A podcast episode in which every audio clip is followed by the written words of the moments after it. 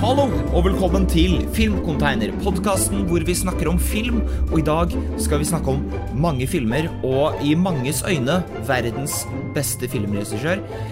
Det er mange her som ikke er helt enig i det, men øh, jeg mener at han er blant, blant de, da. Og det er jo Quentin Tarantino og hans nå åtte første filmer. Vi skal ta en ny podkast neste uke hvor vi skal snakke om Once Upon a Time, prikk, prikk, prikk in Hollywood. Eh, men nå så skal vi snakke om de åtte eller ni, da, hvis du tenker på at Kill Bill er del 1 og 2. Kanskje vi skal snakke om de to filmene han har skrevet òg? Jeg vet ikke. Vi skal snakke om Quentin Tarantino. Alle sammen. Amund, Hans, Ole. Jeg heter Martin, sa jeg det? Vi begynner nå. Ok. Kult. Det alle kan være enige om, uansett hva du synes om Tarantino, er at det er nok ingen filmregissør som er større fan av eh, den nedre halvdelen av menneskekroppen. Oi. Hva mener du da? Uh, jeg mener uh, de to uh, tingene du bruker til å gå på bakken med. Sko? Du har sko. Også, nei, nei, ikke sko. Det er det som er inni skoa.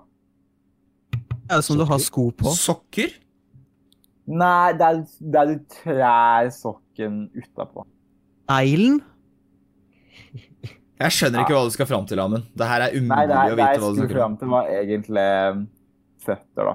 Ok. Men uh, Ja, det har jeg aldri hørt, faktisk. du har aldri merka deg i Tarantino-filmen? Nei, aldri. Nei, Du er så kryptisk, Amund. Jeg tror en har en strikt policy over å ikke ha med deg filmen filmene sine i det hele tatt. Ja, jeg leste noe. Jeg, jeg tror faktisk ikke det er et eneste shot av, uh, av I hvert fall ikke kvinneføtter i noen av filmene. Altså. Nei, spesielt ikke i den filmen han lagde med Robert Rodriguez som heter eh, From Dusk Till Dawn. Den tror jeg ikke jeg har sett så mye føtter i. Det eneste jeg husker fra den, var jeg Tror det er Har du sett Har, du har noen av dere sett uh, Army Hammers Instagram live story som ble litt uh, infamous her den dagen? Nei. Ja, den ligna litt på den uh, Tarantino-giffen du sendte med nå. Det var okay. basically, at, det var basically uh, Army Hammer uh, som uh, la ut en story av at sånn uh, sønnen hans, som er sånn ett eller to år, eller sånn baby som nå står, liksom, drev og sånn sugde på tåa hans. Og så Oi. skrev han at det her har pågått i sju minutter. Og responsen var Æsj, hvorfor la du ut det her? Hvorfor lot du sønnen din suge på føttene dine i sju minutter? Og så det backfira litt, da. Men uh, det, Det er er ikke flott, det. skal Det er ikke bare når du virker, virker koselig på Instagram. Nei? Noen ganger kan det slå tilbake òg. Det er en liten Gjør jo eh, ofte det, da. Men eh, skal ikke vi bare sette i gang? Jeg tenkte vi kunne ta i, gå i rekkefølge på hva Quentin Tarantino har vært med på å lage. Eh, Jeg tenkte vi, vi Skal vi si noe mye Altså Men jeg må bare etablere noen regler for denne podcasten også, da. For okay. hver gang du hyller han for å være den beste regissøren noensinne, så kommer jeg til å nevne en regissør som er mye mer spennende, som jobber i dag. Ok, nice. skal jeg aldri si det igjen. Men problemet men, men, Du må men si det, skal men jo ikke da- lage flere filmer nå. Likevel. Så, så, han, så han er jo ikke en regissør som jobber lenger. Får vi se på, da. Ikke si det Vet du- for oss. Jeg kan, gå med på, jeg kan være med på, på leken din, Ole. For at ingen av prosjektene Tarantino har som skal komme nå etter Hollywood, virker spesielt uh, spesielt interessante. Så, uh, så jeg, jeg tror du kan lage en lang liste.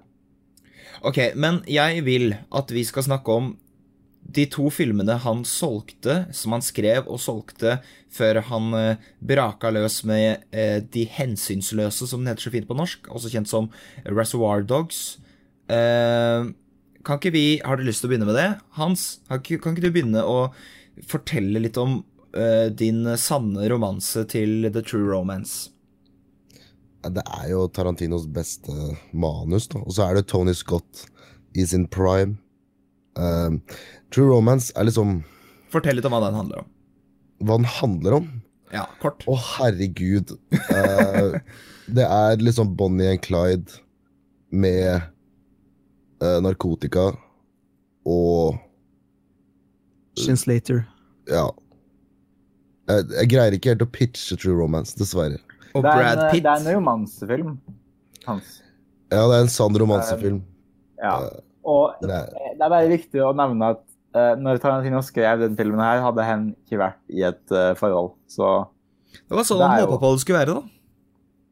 ja. Det er vel, eh, dette er vel på en måte en slags sånn fantasi for Tarantino da, når han, når han skrev denne, for det var vel uh, når han jobbet i den videobutikken sin.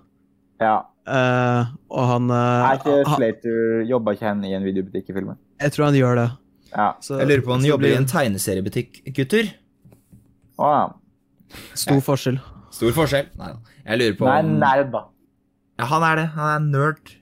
Og så møter han ei eh, flott dame, og så kommer det masse ting i bildet som gjør at de må på tur, da. Så trenger jeg ikke å si noe mer om det. Annet enn at det er, jeg er jo enig i at det er eh, faen meg en bra film, ass. Jeg tror uh, favorittingen min fra True Romance er vel eh, Hans Zimmer sitt score. Som han eh, egentlig basically bare har stjålet fra Badlands, men uh, Det er, ikke å allikevel et flott stykke musikk. Ja, det er det.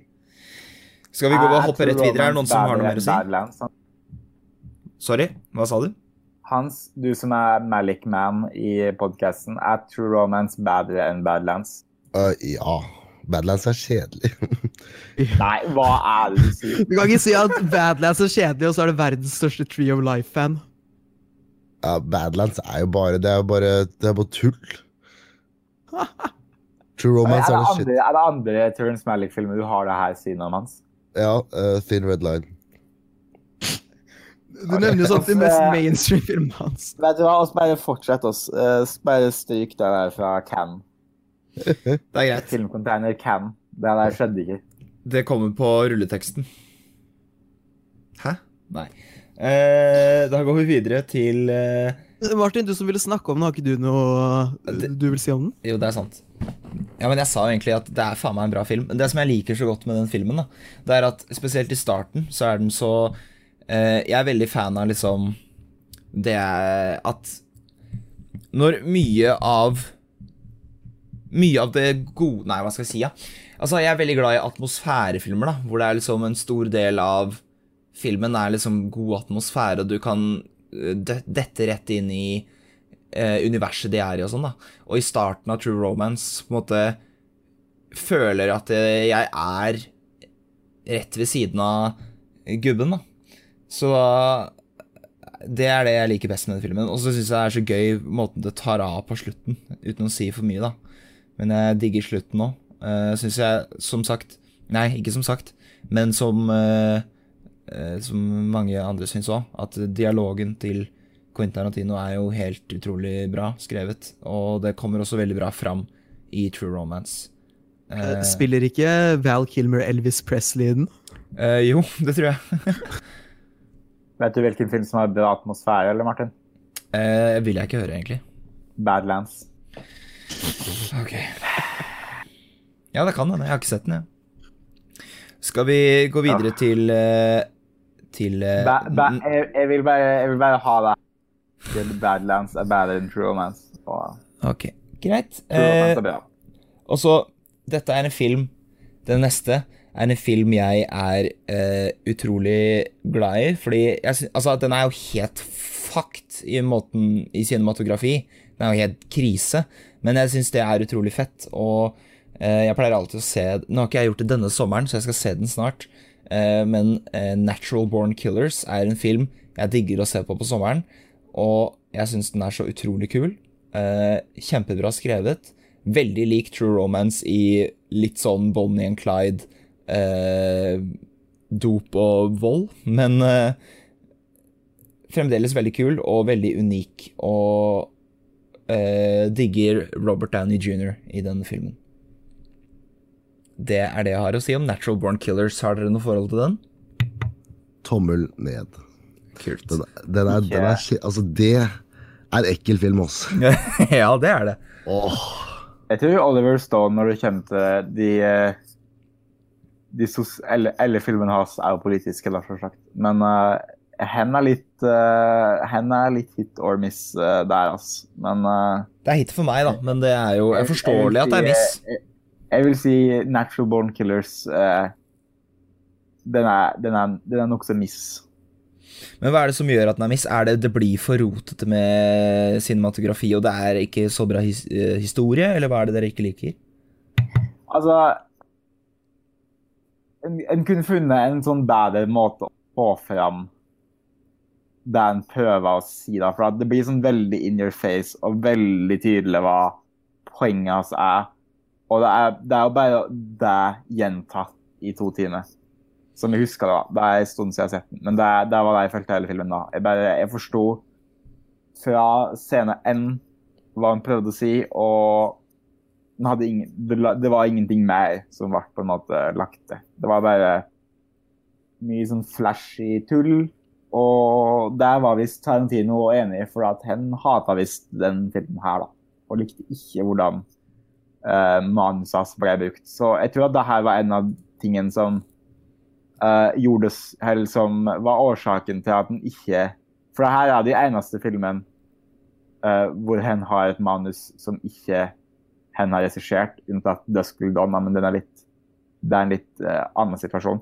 Men hen, hen lagde jo ikke flere filmer etter 90-tallet der hen ikke hadde total kontroll over hva det var som eh, ble gjort da, med Mm. manusene hans. Er Og det det en her- ja, nå er det en stund siden jeg har sett Natural Born Killers, men det er på en måte sånn Poenget med den filmen at det er sånn media som skaper uh, ondskap eller noe sånt, eller? Ja, at media glorifiserer Glorifiserer vold og på en måte De hyller jo seriemordere. som helter og sånn, da. Er liksom på en måte Ja, men at- at seriemordere blir på en måte superstjerner, da, og det er veldig mye sånn Det er tydelig en film som er lagd sånn mens MTV var greie og greier sånn. For på 90-tallet så var jo så var jo liksom journalister noen av de sånn største real life-skurkene nå.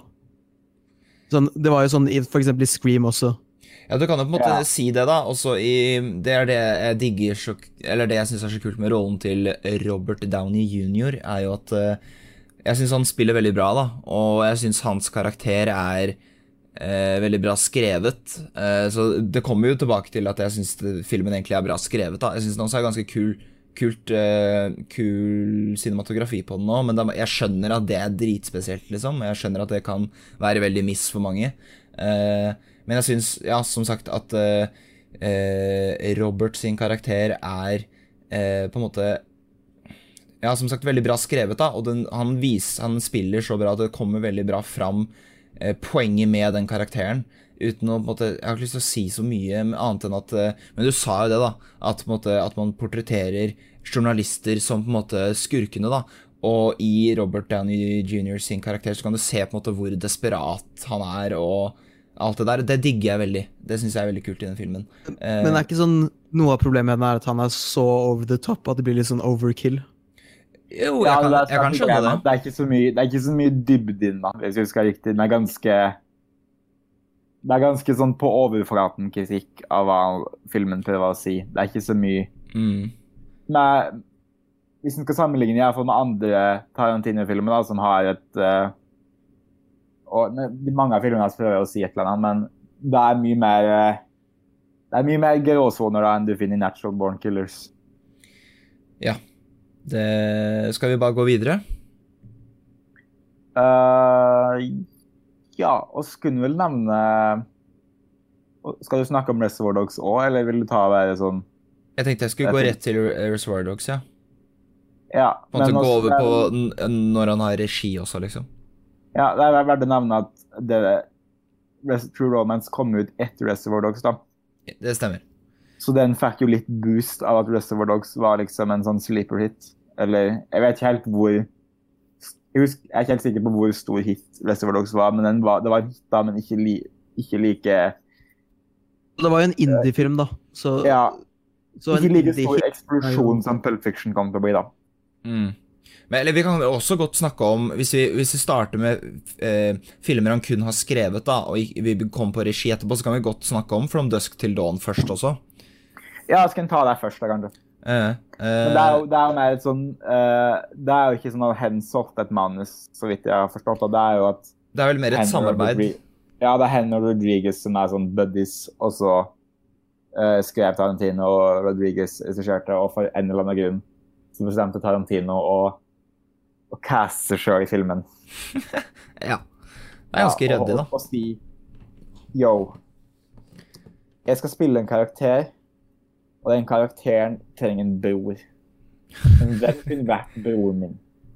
Hvem har genetiske Hvem har min genetikk i seg? Å ja, verdens mest attraktive mann, George Clooney. ja. Jeg ser logikken i det, da. Jeg, jeg forstår ikke helt logikken til Tarantino bak de karakterene han caster som. For han caster seg sjøl som sånn de verste karakterene i, i filmen den lager. da. Sånn I From Dust Till Dawn så er jo han den mest ekle creepen noensinne.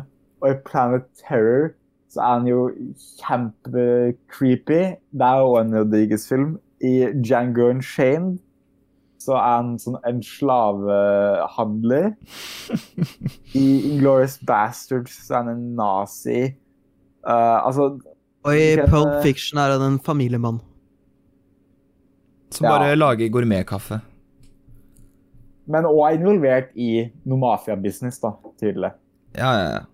Og i Reservoir Dogs så dauer han jo bare. Ja. Og så er det her en spoiler-podkast, skal bare si det hvis folk ikke har sett de ja folk dauer. Han er ikke en Ja, stor rolle i Reservoir Dogs heller, da. Nei, nei, jeg vil ikke si at det er en spoiler Reservoir Dogs, men eh, jeg regner med at hvis du hører på den podkasten her, så har du sikkert sett mesteparten av Tarantino sine, Quentin Jerome Tarantino. sine filmer, da, hvis det her er av interesse. Så eh, skal bare si spoiler warning for alle filmene jeg snakker om da, Det er er rimelig lurt. i den potten her. Så you've been warned. Ok, da går vi rett over til Reservoir Dogs, da. Uh, Er det og Skal alt From Dust til Dawn bare være Nei, faen, vi sa jo ikke en dritt. Jeg glemte at du ikke sa noe. Da var det jeg som pratet om uh, Stemmer. Ok. casting choices. Jeg kan si noe om den filmen, da. Eller Da har vi jo gått over på spoilers uansett, men jeg kan bare først si det at uh, for de som ikke har sett noe, en eller annen grunn fortsetter å høre nå, er jo eh, Midt i filmen, da, så cirka, så tar du litt av. Og der kommer, skjer det noe som ikke alle forventer når de skal se denne filmen. Jeg visste ikke at den handla om det den gjorde, så jeg ble sånn Hva i helvete er det som skjer nå? Dette er ganske sjukt. Så første gang jeg så den, så var jeg ikke sikker på om jeg likte den engang. Sånn der, Herregud, så rart dette var. Og eh, samme følelsen hadde jeg når jeg så Har dere sett um, At the End of the World, eller hva den heter? Den um, uh, filmen til uh, Faen, nå står det stille, vet du. Han som har lagd Baby Driver. At The World's End. Ja. Uh, I den filmen også så er det jo sånn mot slutten så bare tar det he- Eller midt i cirka, altså det bare tar det helt av. Og så bare Hva faen er det den filmen der egentlig handla om? Uh, hvis man ikke da har fått med seg det før man ser disse filmene, så blir man jo sånn Hva i alle dager er det jeg ser på nå? Det er litt rart, Martin, nesten, at du ikke visste at The World's End handla om eh, romvesener. Nei, jeg hadde ikke fått med meg det, jeg. Men du trodde ikke at det bare var sånn en pub crawl-komedie? Jeg, det var, jeg, jeg holdt på å kjede ræva av meg i starten. For jeg tenkte sånn, er dette den eneste Jeg visste ikke noe om filmen. Edgar Wright, nå kom jeg på hva han het. Uh, jeg hadde ikke hørt noen ting om den filmen. Det eneste jeg hadde sett, var uh, Shaun of the Dead, som jeg syntes var veldig morsom på den tida. Uh, jeg synes den enda morsom, da. Uh, og så tenkte jeg ok, han hadde Han hadde visst en sånn triologi. Uh, og så var det bare noen som sa vi kan godt se den her, da. det spiller ikke noen rolle hvilken rekkefølge man ser det i. Så jeg bare sånn, ok. Og så så vi den, og eh, jeg er ikke sikker på om personen jeg så den med, visste heller at det kom til å skje i mitt tid, men jeg hadde ikke, som sagt, jeg hadde ingen idé om hva den filmen handla om, annet enn at jeg skjønte, eller skjønte jo det i starten, at ok, de skal på pub, det er sikkert noe komediegreier, da. Og så bare tar det, Nå er det spoiler, da, men det tar jo bare helt av. Han begynner å slåss med fyren på dass, og så bare klinker han huet hans ned eh, ned i dass, og så bare spruter det blå maling ut av Jeg bare Hva i helvete er det som skjer nå? Og for Er Edgar Wright på lista di, Ole? Eh, Gjett, da. Jeg har ikke Ja. sagt noe ennå. Jeg har ikke sagt noe ennå. Uh. Eh, men ja, og det som skjer i From Dusk Till Dawn, da, er jo at det viser seg at alle er vampyrer. Og så tar det jo faen meg helt av. Så det er jo veldig artig, da.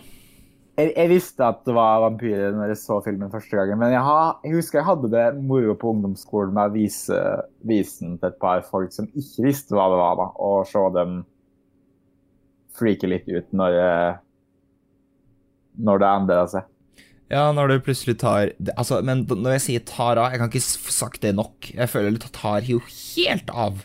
Jeg vil si at det er helt annerledes i uh, i From Dusk Till Dawn. For i World's End så er det jo sånn en, en gradvis endring til at det blir en sånn alien-film, og det er sånn hint i starten. Mens From Dusk Till Dawn så er det sånn Det er én type film i én time, og så er det bare et sånn hard uh, flip, og så er det en vampyrfilm.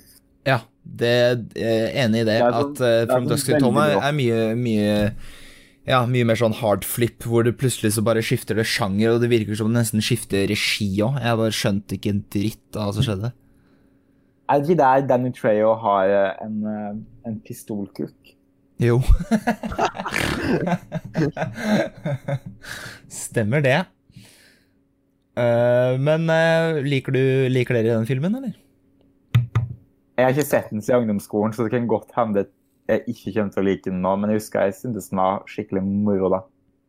Mm. Jeg, jeg, jeg, husker at jeg så den før jeg på en måte sånn visste hvem Tarantino var. Uh, og jeg, jeg, var jo en liten sånn horror-fan, da. Så, så, for meg var det på en måte noe helt annet. Jeg relaterte ikke det til Tarantino i det hele tatt. Nei.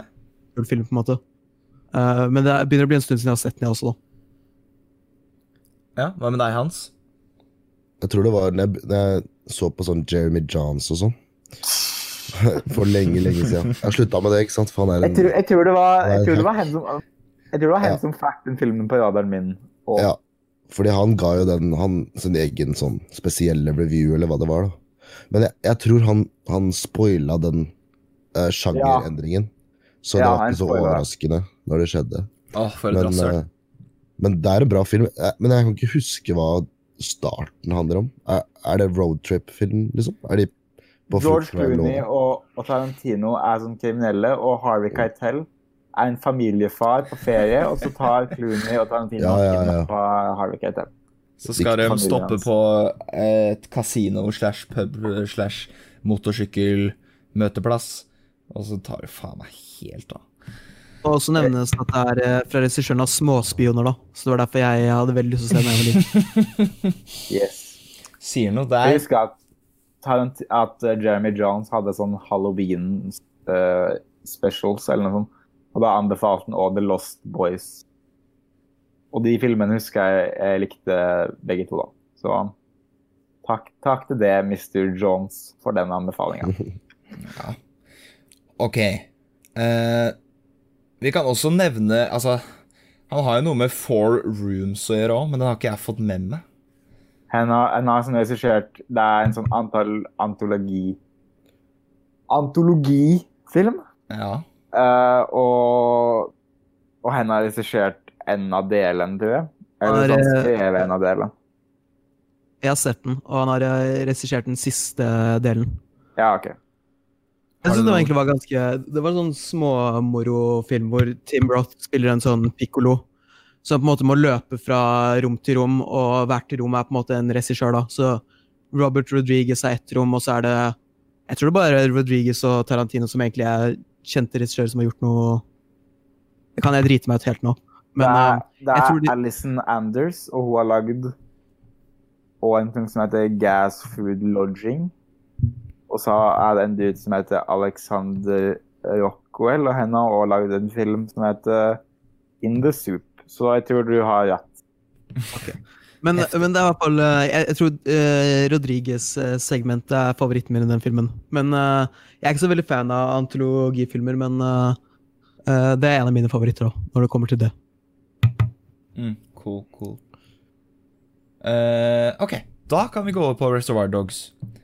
Eh, og da kan vi jo begynne med å si eh, at det er den første filmen til Quentin Tarantino som han har regissert. Eh, og det er jo eh, en film som handler om Du må ikke glemme My Best Friend's Birthday. da. Ja, det er sant. Faen, skal vi snakke om Martin, det nå? du som skal være sånn Tarantino-fan? Ja, herregud. Dere er noen rasshøl. Step for rooms en gang. Har du ikke sett My Best Friend's Birthday? Gi meg på Blu-ray, så skal jeg se den. ass. Det ligger på YouTube. Gjør den det? Kult. Skal jeg se den. Ja, for det er, det er, ikke en ferdig film. Det er bare, det er bare en halvtime, liksom. Ah, cool. Jeg, skal, ja, jeg vet jo, jeg har jo hørt om den, men jeg har bare aldri giddet å sette meg inn i det. Jeg, det var, jeg tror det var litt sånn delt at Tarantino syntes filmen ikke ble noe bra, og at folket hadde meg i filmen, ikke hadde tid. For at, jeg tror han bare lagde den på sida mens han jobba i videobutikk. Så det var bare vennen hans som var med i filmen. Ah, ok. Å nei, OK, her er det. Filmen var 70 minutter lang, men pga. en brann uh, så ble det bare 36 minutter igjen som uh, overlevde den brannen. Shit. Og filmen handler om Mickey, uh, som jeg tror er spilt av Tarantino. Som har blitt dumpa av kjæresten sin. Og Clarence, som prøver å gi kompisen sin en uforglemmelig bursdag. Nei, fy søren, så bra. ok. Uh, skal jeg fortelle om hva Reservoir Dogs handler om først, kanskje? For de som ikke har sett den. Uh, det handler jo da om et eh, bankran som vi ikke får se, men vi får se hva som skjer før. Det er ikke, Og det er ikke en bank, det er en diamantbutikk. Ja. Ja, nå, eh, nå begynner jeg å lure på eh, Tarantino-fandomene. Altså, Martin. Bare Altså, det er ingen lyttere som har hørt meg si det. Så jeg kommer unna med dette. Ja, du har Ja, OK. Jeg skal, jeg, du, jeg skal, jeg skal holde, det, holde det for retten på deg i den podden her, altså, Martin. Så bare vent. Det blir, en, det blir en quiz på slutten. Nei, jeg takler ikke det. Men Jo, jo, det, det, det blir bare fordi jeg Pulp Fiction er favorittfilmen min, så er jeg en Tarantino-fitte? Jeg skjønner ikke det. Du, du har jo beskrevet det sjøl. Som en Tarantino-fitte, jeg vet det. Ja, tidligere. På podden. Jeg vet. Ja, bare vent. Det er tolv spørsmål, og eh, det er ikke Og jeg gleder meg egentlig litt til quiz. Ok, jeg Ja. må bare beklage, da. Spørsmål og 13 svar. Ja, jeg, jeg kødder ikke. Det her det kommer quiz. Ja, ja, jeg gleder meg. Bare til å svare. Jeg gleder meg. Leide inn Dan Børge Akerø til å spørre dem. Ja, ja, ja. Ok, ta den du da, Amund. Hva handler, Dogs. hva handler den om, da? Det handler om et Det er eh, en, ra, det er et en ran. uten ranet. Ja, en ransfilm uten ranet. Og den er jo rimelig bra skrevet. De vil rane en diamantbutikk, hvis jeg husker riktig, for det er diamanten de skal ha. Jeg håper, jeg håper du tar feil nå. Nei da, jeg vet at du har rett. Jeg Jeg skal, husker det nå. jeg skal, jeg skal, jeg skal sjekke det. Å nei, det er, ikke, det er ikke teknisk sett en diamantbutikk, men en Et eh, ju- Eh, jewelry. ja, Gullsmed. gullsmed, jeg vet du. det. Der har vi ordet. Ok, ingen av oss hadde rett. Kjempefint. Da hopper vi videre. Smykkebutikk. Smykkebutikk, altså Jeg vet da fader. eh, altså, det bedre hadde ikke den vært det om det var Glitter. glitter. Det hadde vært sykt bra. Hans Hans. Hva er dette for noe tull? Han bare logger av. Han har egentlig ikke lyst til å være med på Tarantino, for han hater Tarantino. Det er det Er ikke verste Reservoir Dogs favorittfilmen din, da? det Er er, ikke det din favoritt-Tarantino hans? det er den verste filmen han har sett, tror jeg. Han gidder ikke å Hans! Han har logga, han gidder ikke, for han veit at eh, Eller jeg veit ikke. Vi får bare oh, oh, ja, sorry, sorry. Jeg, jeg trykka feil. det var på mute. Jeg hører bare masse trykking. Jeg skjønte ingenting.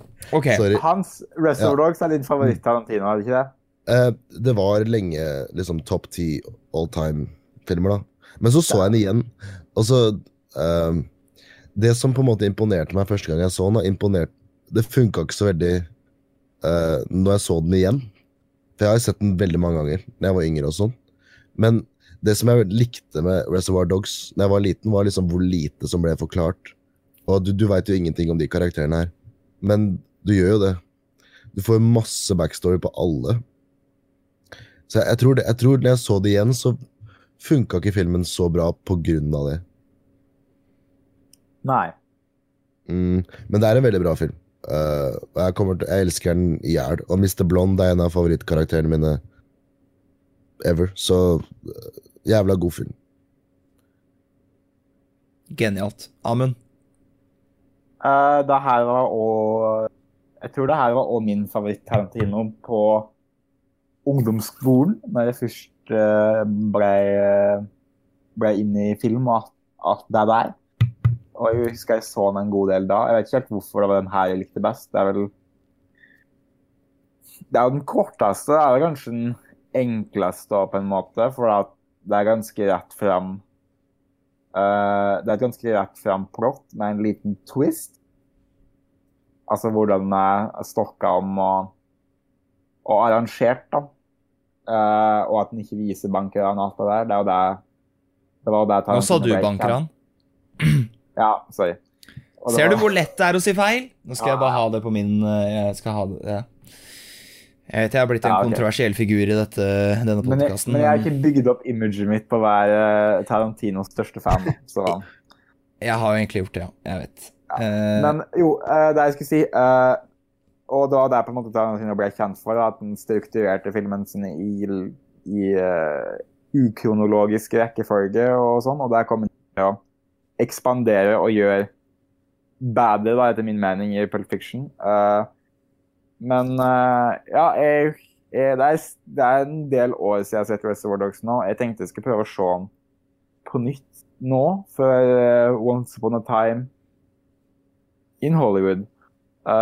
men jeg huska det som at det var en veldig bra film, men jeg tror at i hvert fall i, i, i hodet mitt da, at jeg, jeg liker andre Tarantino-filmer bedre nå, og at jeg ikke er like, like stor fan av Reservoir Dogs som jeg var tidligere. Da. Men det er fortsatt en bra film. Da. Det er i hvert fall en eh, Det er i hvert fall en solid åtte av ti. Mm. Minst. Det er ikke dumt.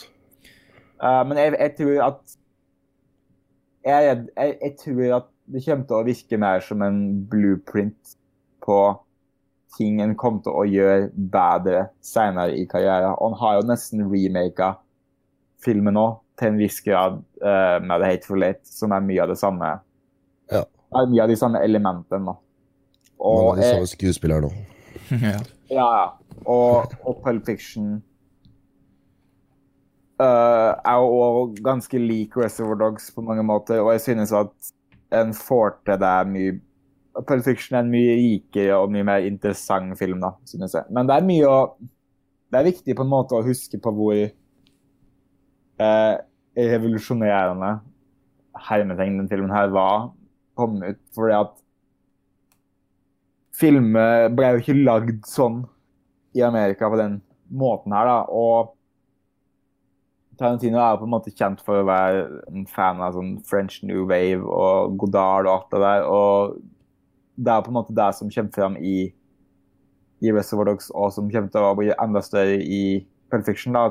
Tarantino er jo en postmodernist og på en måte tar influences og, og inspirasjon fra på en måte hele spekteret. F.eks. at den tar en sånn For plottet til Reservoir Dogs er jo plottet til sånn en sleazy, billig krimroman ja, den videoen jeg sendte i stad, sier hva Hvilken Det er vel en japansk eller ja, eh, ja, den har fått en del kritikk for det, for det er basically samme plott som en ja, Men det er ikke hele filmen, det er ikke samme plottet. Det er siste 20 minuttene av den filmen er basically Reservoir Dogs. Fordi hele ja, filmen heter, handler ikke om det, men det er City on Fire, tror jeg, eller noe sånt. Ja, det er vel ikke akkurat noe, noe hemmelighet at Tarantino stjeler ganske mye, da. Nei, nei, nei. Ja, men det er det, som det, en det, er det er, derfor en, eh, det, er derfor en er, det er derfor en er labela som en postmodernist. Da. Det er jo det som er hele greia med den bevegelsen. Ja, Men, fordi man, ja, man, stjeler ikke fra kun én film, sånn som i Pulp Fiction inneholder sikkert 100 referanser fra 100 forskjellige filmer. Eh, men, men uh, der, poenget mitt var vel at plottet og storyen i filmen er storyen til en sånn sleazy krimroman, ikke sant? Sånn billig tull, men ja. så er den lagd i stilen og klipt og strukturert som en film fra Som en europeisk eller fransk film fra som The French New Wave, da, som en John-Luc Godard-film, liksom. Så det er en sånn uh, En sånn billig VHS-film lagd på en sånn veldig kunstnerisk måte, og så har han på en måte greier meg til og de tingene på en måte tar Tarantino tar med i filmen som hen liker og som hen var fan av. Ingen av de tingene var kult når Tarantino lagde det. Så mye av de tingene som oss nå ser på som wow, Hongkong-filmer ting som Tarantino har vært med popularisert, sånn Hongkong-actionfilmer, martial arts Og mye av det der det var ikke kult når hen hadde det med. Hen bare inkluderte det for at hen syntes det var kult. ikke sant? Og det er, det er på en måte mye av musikken i, i Reservoir Dogs er, og, og for eksempel uh, at det er sånn en tøff krimfilm, men så er det referanser til sånn Fantastic Four og jeg tror uh, Tim Roth har, karakter har sånn Silver Surfer-tegneserier som ligger på bordet. Det var ikke vanlig i filmer på den tida. Så han var med på en måte uh, Gjenopplive på en måte en slags uh, Det er på en måte Scarcese og De Palma og de hadde gjort på 70-tallet. Å ta europeisk film og på en måte bringe den bringe den stilen og mye av det som på en måte gjorde det spesielt inn i amerikansk film, så gjorde Tarantino og et par andre filmskaper på 90-tallet òg. Mm. Så det var, det var, litt Det var litt lang, kjedelig historisk kontekst. Men det er viktig. Som sikkert, som sikkert var feil. Men, ja, mulig det.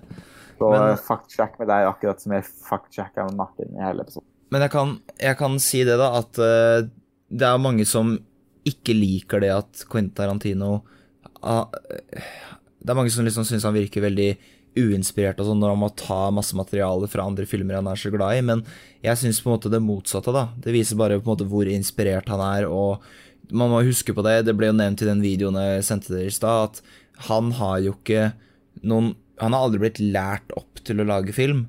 Han har på en måte eneste utgangspunktet han har for å lage film, er at han har sett masse film. Så han tar eh, scener og konsepter og små, masse småting fra filmer han elsker, og stjeler de tinga, men putter de sammen i en helt ny film. Altså masse forskjellig inspirasjon og stjeling fra masse filmer, og putter de f.eks. inn i Pulp Fiction, da.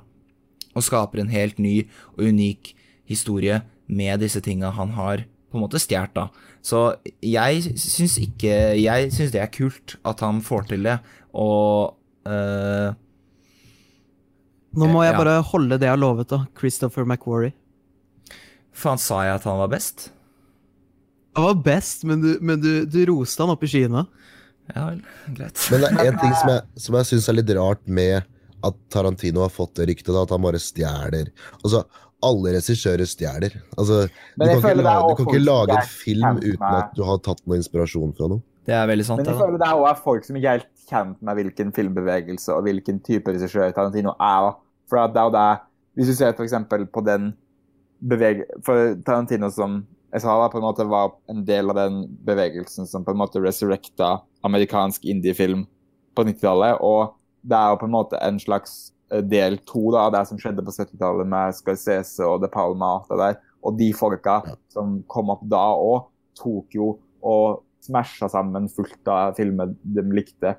F.eks. Uh, Paul Schrader, som skrev skal ses sine filmer. Filmen hans nå, som den kom med i fjor, f.eks. First Reformed, er jo en er jo sånn tre kunstfilmer som bare er frankensteina sammen, der han har tatt storyen fra sånn en Bergman-film og et par andre ting, og på en måte spika det sammen. da, og eksempel Brian De Palma. Han har jo òg tatt kjempemye fra andre andre, ja, ja, altså mange av filmene Det er et par filmer han lagde på 80-tallet som er basically sånn remakes eller oppdateringer av Hitchcock-filmer. Og Blowout for eksempel, er jo en slags er hans versjon da, av en uh, italiensk uh, film som heter Blowout fra 60-tallet. Så det er jo det på en måte Tarantino gjør, da, og det som på en måte er greia med det som på en måte var greia med postmodernisme da, og hele den bevegelsen.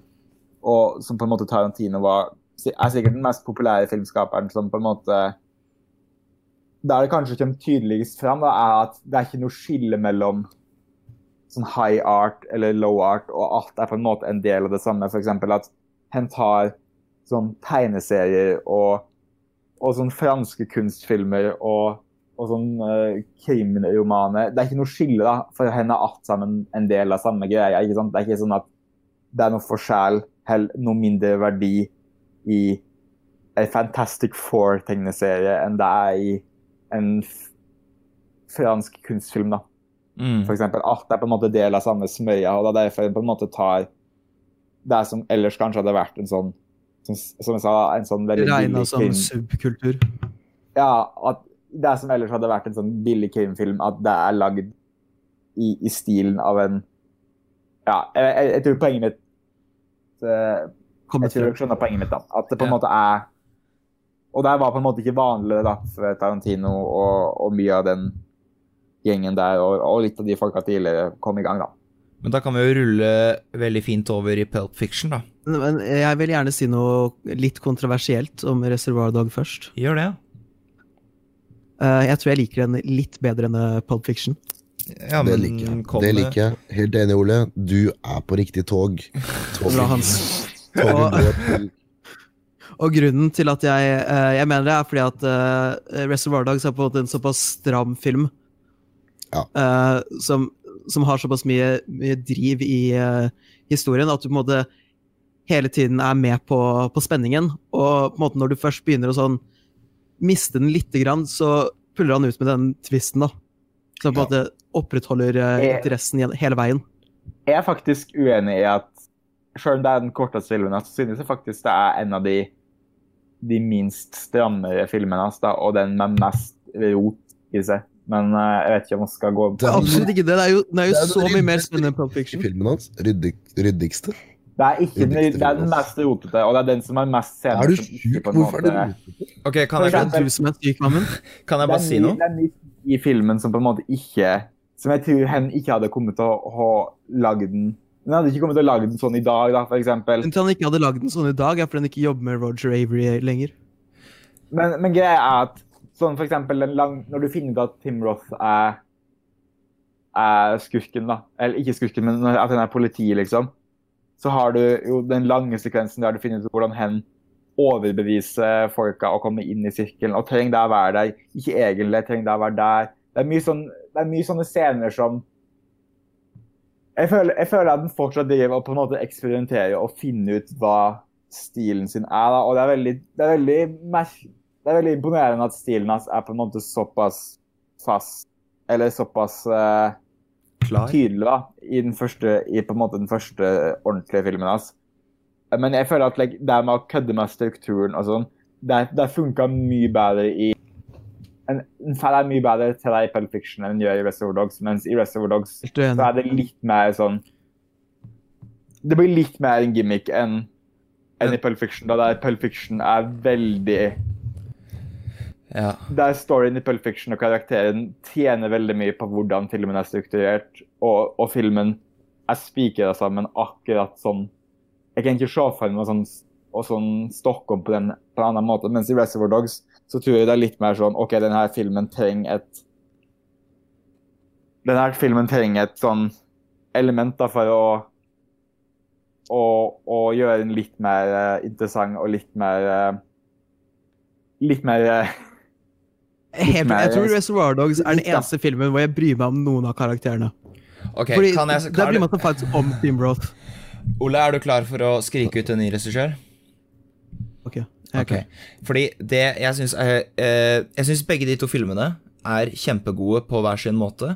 Uh, jeg er mest enig med Amund i denne diskusjonen. Uh, selvfølgelig. Men det jeg syns er på en måte de, er, de, gjør De har en, to helt forskjellige driver, hvis det gir mening. At i eh, Reservoir Dogs så er på en måte driven ligger Selv om det ligger også ganske mye i karakterenes dialog, siden det er en stor dialogdrevet film, med tanke på at eh, man klipper bort mye av actionet siden eh, ranet blir, er, ikke, er ikke med. Eh, du får bare høre om det i ettertid og sånne ting. Eh, så er på en måte men der funka òg til på en måte uh, uh, opphøyer forvirringa i filmen. For det er ja, det som er hele greia. Ingen på en måte helt vet hva det var som skjedde, eller hva det var som gikk galt. Og da ikke viser bankerne, så er og seeren Og det hjelper jo òg med at den på en måte strukturerte ukronologisk, at uh, seeren òg blir forvirra og ikke helt vet hva det er som har skjedd, og på en måte ikke Seeren vet på en måte eldre mer enn karakteren, da, helt til en, helt til en får Helt til en avslører Tim Ross. Og, Men og det er på en måte det, det som er Ja. Er bare det jeg skulle si, bare, er at uh, uh, Faen. Jo, i Reservoir Dogs så er på en måte driven å finne ut av hva som har skjedd, mens driven i Pulp Fiction er å finne ut av hva som kommer til å skje, hvis det gir mening. Det er også sekvenser i Pulp Fiction hvor du lurer på Ok, nå har vi klippet Nå er det et, en bit i historien som mangler, som kommer etterpå.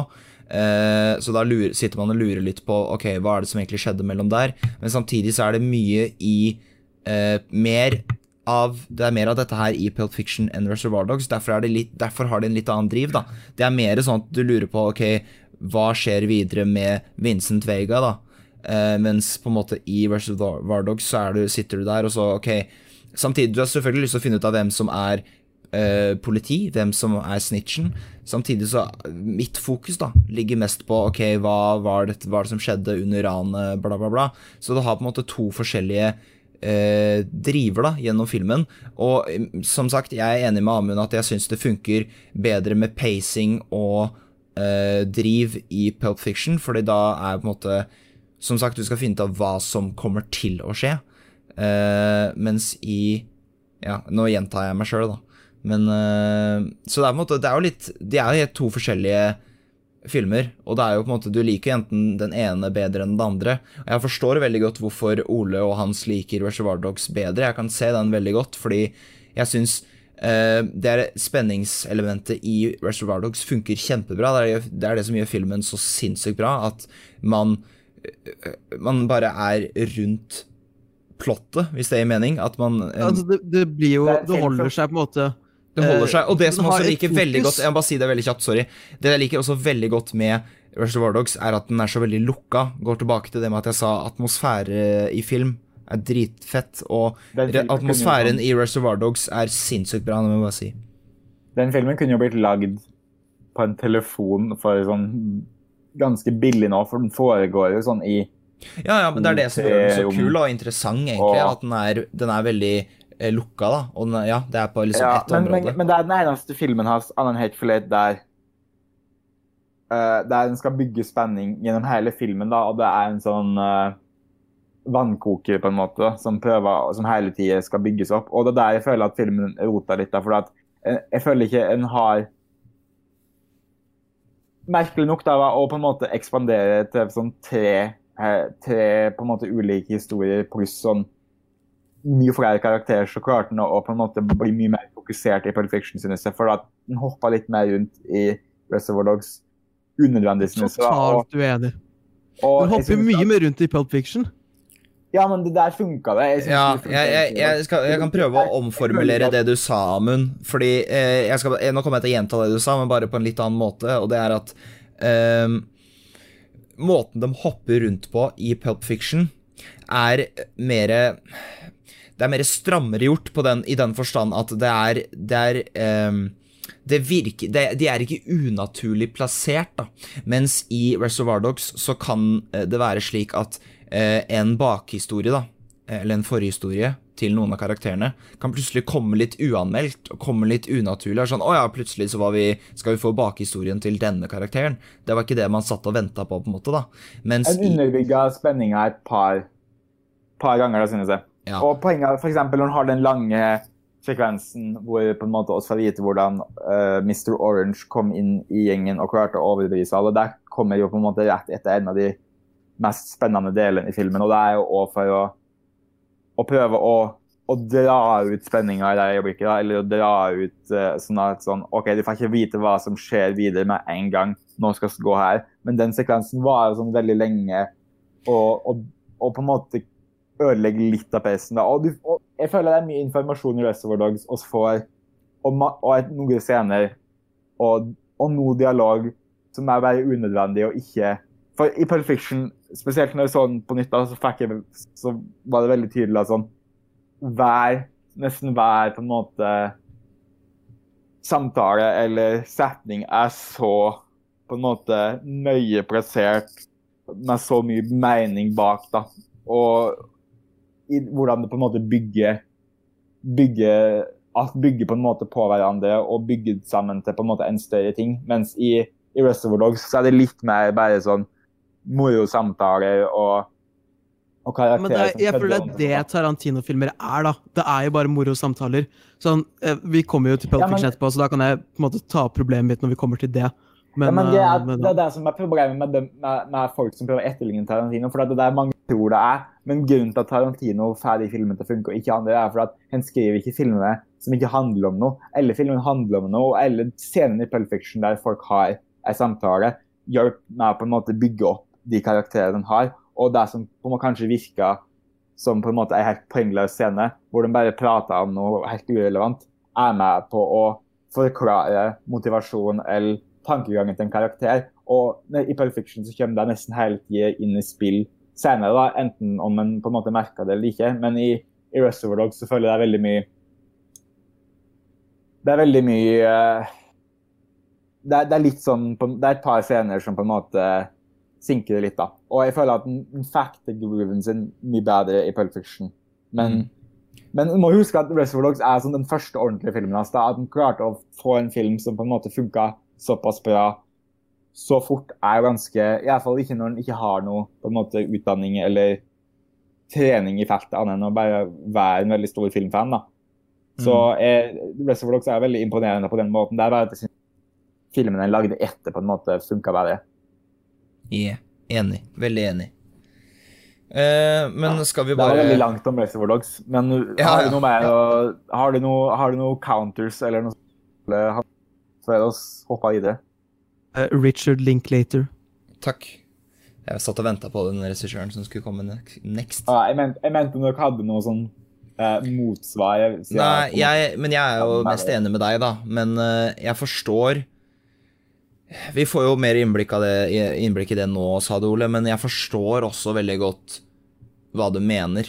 Eh, Det er en veldig, det er en veldig aggressiv film. Da. Det er ikke sånn at det er, det er en film som på en måte du, du finner ut nesten med en gang om du liker den eller ikke, for den, omtreffer treffer det veldig kjapt. da, I motsetning til kanskje f.eks. Jackie Brown, som er mye mer laid back og, og kanskje og tar seg litt mer tid, da, mens Reservoir Warlocks er veldig umiddelbar, hvis det er mening. mm, mm. Ok, vi kan bare hoppe over til Pulp, Pulp Fiction, da, som er eh, min favorittfilm.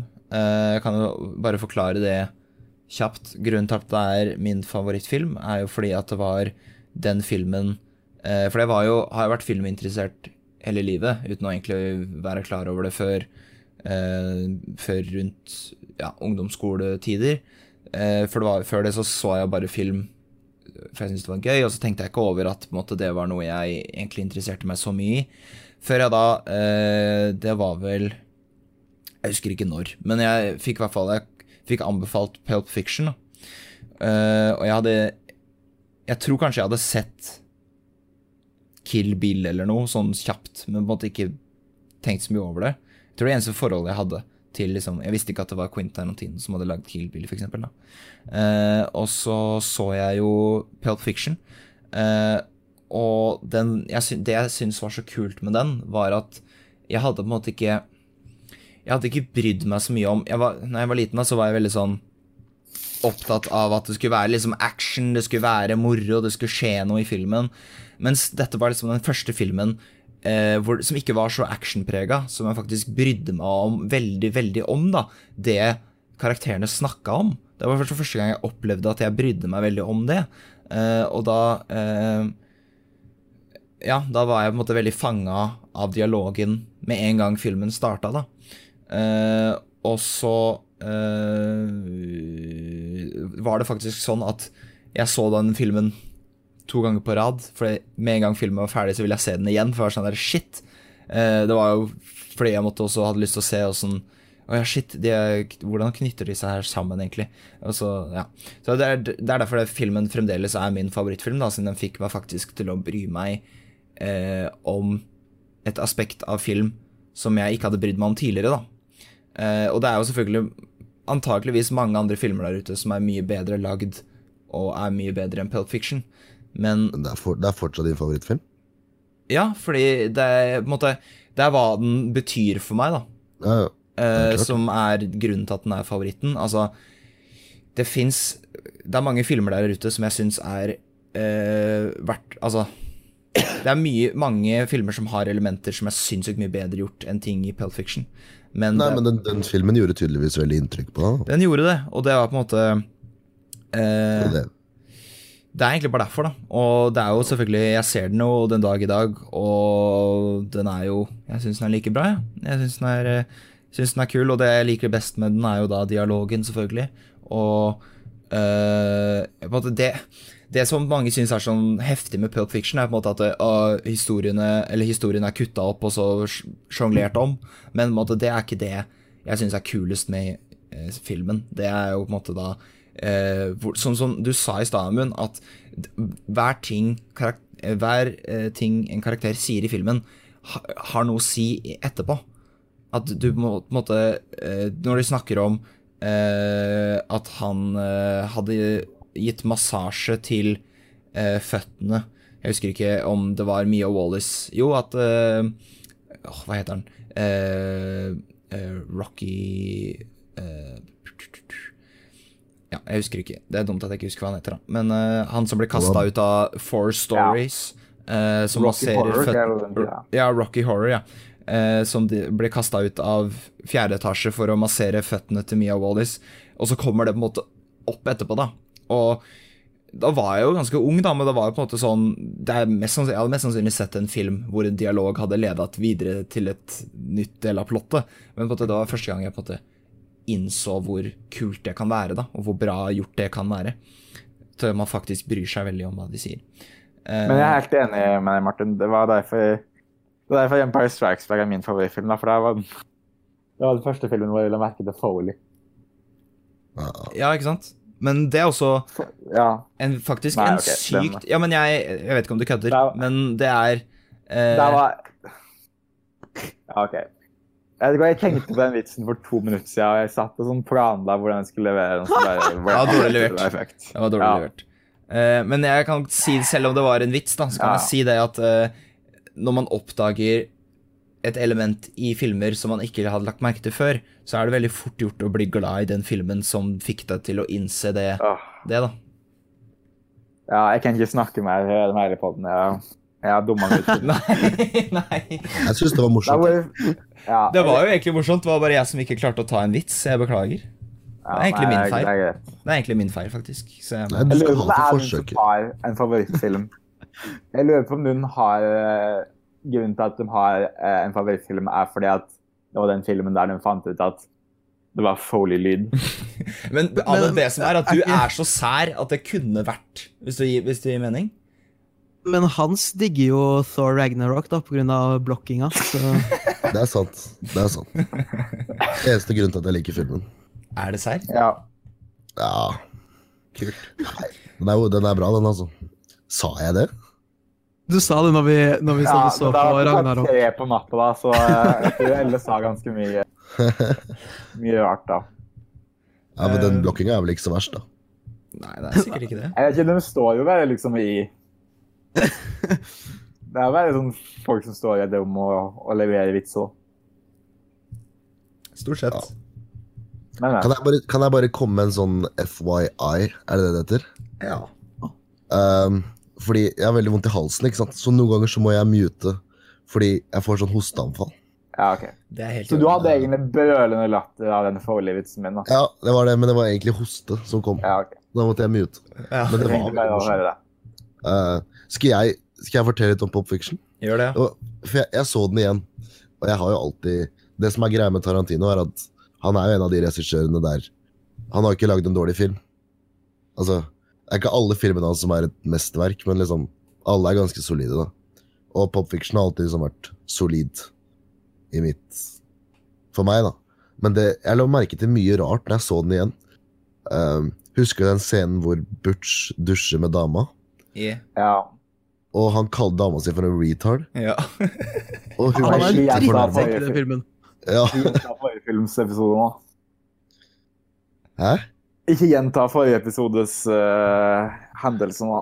Nei, men det er bare Om noe dusjing Ja, ja. Det, var bare, det er bare så, det er så rar scene. Han har sånn boblestemme og titter ut av, av dusjen og sier det, og hun blir skikkelig fornærma. Jeg tror det er favorittscenen min i Pulp Fiction. Men la du merke til at du ser tissen hans når han setter seg på do? Det er Martin som legger merke til sånt. Ok, ja, sorry. Det var meg, det. Det er et millisekund, akkurat som i Gone Girl. Ja, der lot jeg merke til det. Ok, så det er ikke noe gærent med meg. Det er bare at uh, Ja, det Jeg er er bare litt mer interessert i Ben Affleck enn Bruce Willis. Ja Du er litt mer interessert i kjønnsorganene til Ben Affleck enn Bruce Willis, Ole. Likt. Hvem tror du har størst? Ben Affleck. Nei, jeg tror ikke det, faktisk. Jeg tror Bruce Willis er større fordi På en måte fysikken til kroppene deres, da. Eller det kan er jo også skalla. Skalla folk har uh... Ja, men det Ken gjør, er å Skalla faktisk folk har stor tiss. Ja. Så Det, det vi kan gjøre, er å stoppe Perfection og, uh, og Gone Girl nå. Jo målet. ikke ja. Men, men da, må, da må jeg, Martin og Amund lage gjennomsnitt, da. Det, ja. Oi, oi, oi. Oi, det blir et helvete. Nå må vi sende masse bilder i chatten og sånn. Det orker jeg ikke. Eh, Da er det litt skummelt om vi blir hacka. Ja, Hvis det blir likt når vi blir kjendiser, så er det Da er vi fucked. Tenk, hvis, tenk når du, multiguru, eh, når jeg liker deg dickpic, og så må du forklare at årsaken du tok deg var fordi at du skulle finne ut om Ben Affleck eller Bruce Willis hadde større. Det er faktisk det mest Så du måtte legendariske lage en gjennomsnitt. Åh, Du er trenger jo ikke et gjennomsnitt for det engang. Du kan jo bare se hvem av de to som har lengst. Altså, det er jo folk som måler masse greier i forhold Altså, har du sett den memen hvor de, når de må, målte høyden til Peppa Pig og alt det helvete der, så var det jo liksom gærninger som måtte telle piksler og sånn for å måle hvor høy alle andre karakterer i Peppa Pig var og sånn. Det var helt sjukt. Ja, ja. Eh, så det er jo noen der ute som får det til. Bruke, du kan jo bruke Harvey Keitel i Bad Lieutenant da, som et, uh, som et gjennomsnitt. Men, men siden det det er en, uh, en Tarantino-podcast, så kan vi bare måle føttene våre. da. Oi, ja.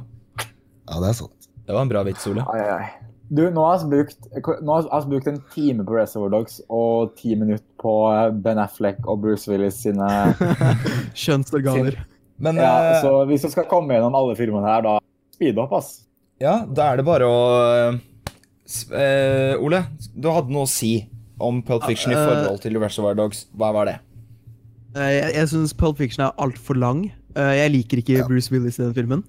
Eh, jeg synes han er en, han er en drittsekk. Han er en usympatisk jævel gjennom hele filmen. Og men det jeg, er. Men du sa jo nettopp at du likte folk i Reservoir Dogs, men det er jo alle sammen drittsekker. likte. Tim Roth i Reservoir Dogs. Jeg sa Tim Roth er den eneste karakteren jeg bryr meg om i den filmen. Eller i noen Tarantino-filmer, egentlig, for den saks skyld. Han er litt sleazy ennå. Han er litt sleazy, men han har et godt hjerte. Men vent, Nå sa Han du at prøver å- han er den eneste karakteren du bryr deg om i noen Tar- Tarantino-filmer. Så resten av filmene vi kommer til å snakke om nå, de bryr du deg ikke om? En- Jeg bryr meg ikke om karakteren i den. dem, det gjør Da bryr du deg ikke om filmen? Bryr du deg ikke om Hans Landa? Det er sjukt, faktisk. Det er sjukt, faktisk. Du, Tim Roth gønna jo ned ei random dame i Russland. Ja, det gjorde men han. Hun, hun han skyter først. jo en random dame i, i magen, og det er jo en av kritikken. At, Men, eh, men du, du ser jo at han, han ønska ikke å gjøre det. Ja, det var selvforsvar. Sånn, du, du ser det på han at sånn det, det var ikke noe han ønsket å gjøre, det var noe han måtte for å beskytte seg selv, liksom. Det var sånn som Ja. med den Asa Brocky-saken. ikke sant? Man må jo Altså, hvis, hvis du blir slått, så må du slå tilbake. Men, men jeg, jeg, de to eneste jeg rakk å se igjen før den podcasten, var Reservoir Dogs og Pulp Fiction. da. Så jeg, jeg vet ikke om det, det gjelder sett, for eh, resten av Jeg eh, har ikke sett Reservoir Dogs eh, på, lenge, på mange år, da. så jeg, det er derfor jeg på en måte har den litt uh, tåkete. Men Pulp Fiction så jeg for litt siden. Så den, eh, Den eneste jeg har sett for litt siden Eller jeg så Reservoir Dogs for noen måneder siden, og så så jeg ehm, Så så jeg Inglorious Bastards i overgår. Og annet enn det så har jeg ikke sett noen av de andre filmene på ganske lenge. Jeg jeg, sett, jeg så en eh, Tarantino-film ganske nylig som ikke jeg hadde sett på eh, ti år, kanskje. Og? Det er Jackie Brown. Ja, Var det en bra, var det en bra Segway? det er en bra Hvor Segway. gammel var du da? Ti år? Så du Jackie Brown da du var ti år gammel? Ja, det blir tolv, da. Ja, okay. Ja, Han så jo den på kinoen. han. Du jobba vel som filmkritiker for Dagbladet i 1997?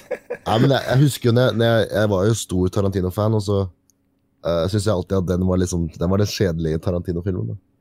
Jeg kan, Eh, jeg, jeg kan si meg ganske enig i det på Ja. det at eh, den er Den har ikke så god pacing som mange andre filmene hans, da. Oh, men når jeg, når jeg så den igjen, så Når jeg så den igjen, så fant jeg ut at det er jo en av hans beste filmer. Det er det. Oh. det er det. Hallo, slapp nå av. Slapp nå av. Amund, jeg må også si det at det er også en av de bedre filmene hans, men jeg kan forstå veldig godt hva Hans mener med at den er en av de litt kjedeligere filmene. Han Ja, har jo forandra mening. den sa jo nettopp at nei, det var ikke det. Jeg, jeg, jeg har sett lyset. Ok, men da kan, jeg, da kan jeg si det, da. At jeg forstår for de menneskene der ute som syns det, Ja. så er det veldig Men forståelig. du, ok, nå er det Pulp Fiction, ok? Jeg skal Jackie Brown etterpå. Ok, Greit, hva har du mer å si? Uh, Pulp Du Fiction ødela Segwayen min. Ja, det var jo så fint. Ja, men altså, nå, nå gjør de rekkefølge, ikke sant? Men hva er det vi prater om? da? Skal du prate om hvor uh, sykt kompleks altså strukturen Nei, da, i da, her. Er? du, må, du må liksom se en video på YouTube for å forstå hva som skjer. altså, Den strukturen i Pop Fiction den er så du, kan, du er ikke noe stress å finne ut hvordan den er bygd opp. Nei, det er ikke det. Nei, jeg sier ikke at det er sånn at du må studere i ti år i Himalaya eller noe. for Pulp Fiction er skrevet. Jeg sier at det er en mye mer kompleks, kompleks og dypere film enn en, en Reservoir Dogs, da. Og at den har mye mer eh, Det er mye mer dybde i karakterene og sånn, men det er ikke sånn at du ikke det er, det er ikke sånn at det er vanskelig å se det eller noe. Det var ikke det jeg mente. Sier jo bare det fordi at den er mer edgy, da. Siden det er heroin og sånt involvert også. Det er en bra Altså, scene. Jeg Det er elsker Pop Fiction til døde, men filmen er jo bare en rekke kule scener i på eh, en kinoskjerm. Altså, det er jo det det er. Det er kanskje film i seg sjæl òg, men akkurat Pop Fiction er liksom prakteksempler på det. da. Burde også nevne at. Tarantino er en ganske edgy i seg sjøl. Har vært der hele Men hva er så jævla edgy med Pop Fiction, egentlig? Nei, altså, Eh, den heroin og- visst ganske, Den var visst ganske drøy da når den eh, kom. Men det er jo sånn språkbruk like Reservoir Dogs òg. Det er en film der det bare er dudes.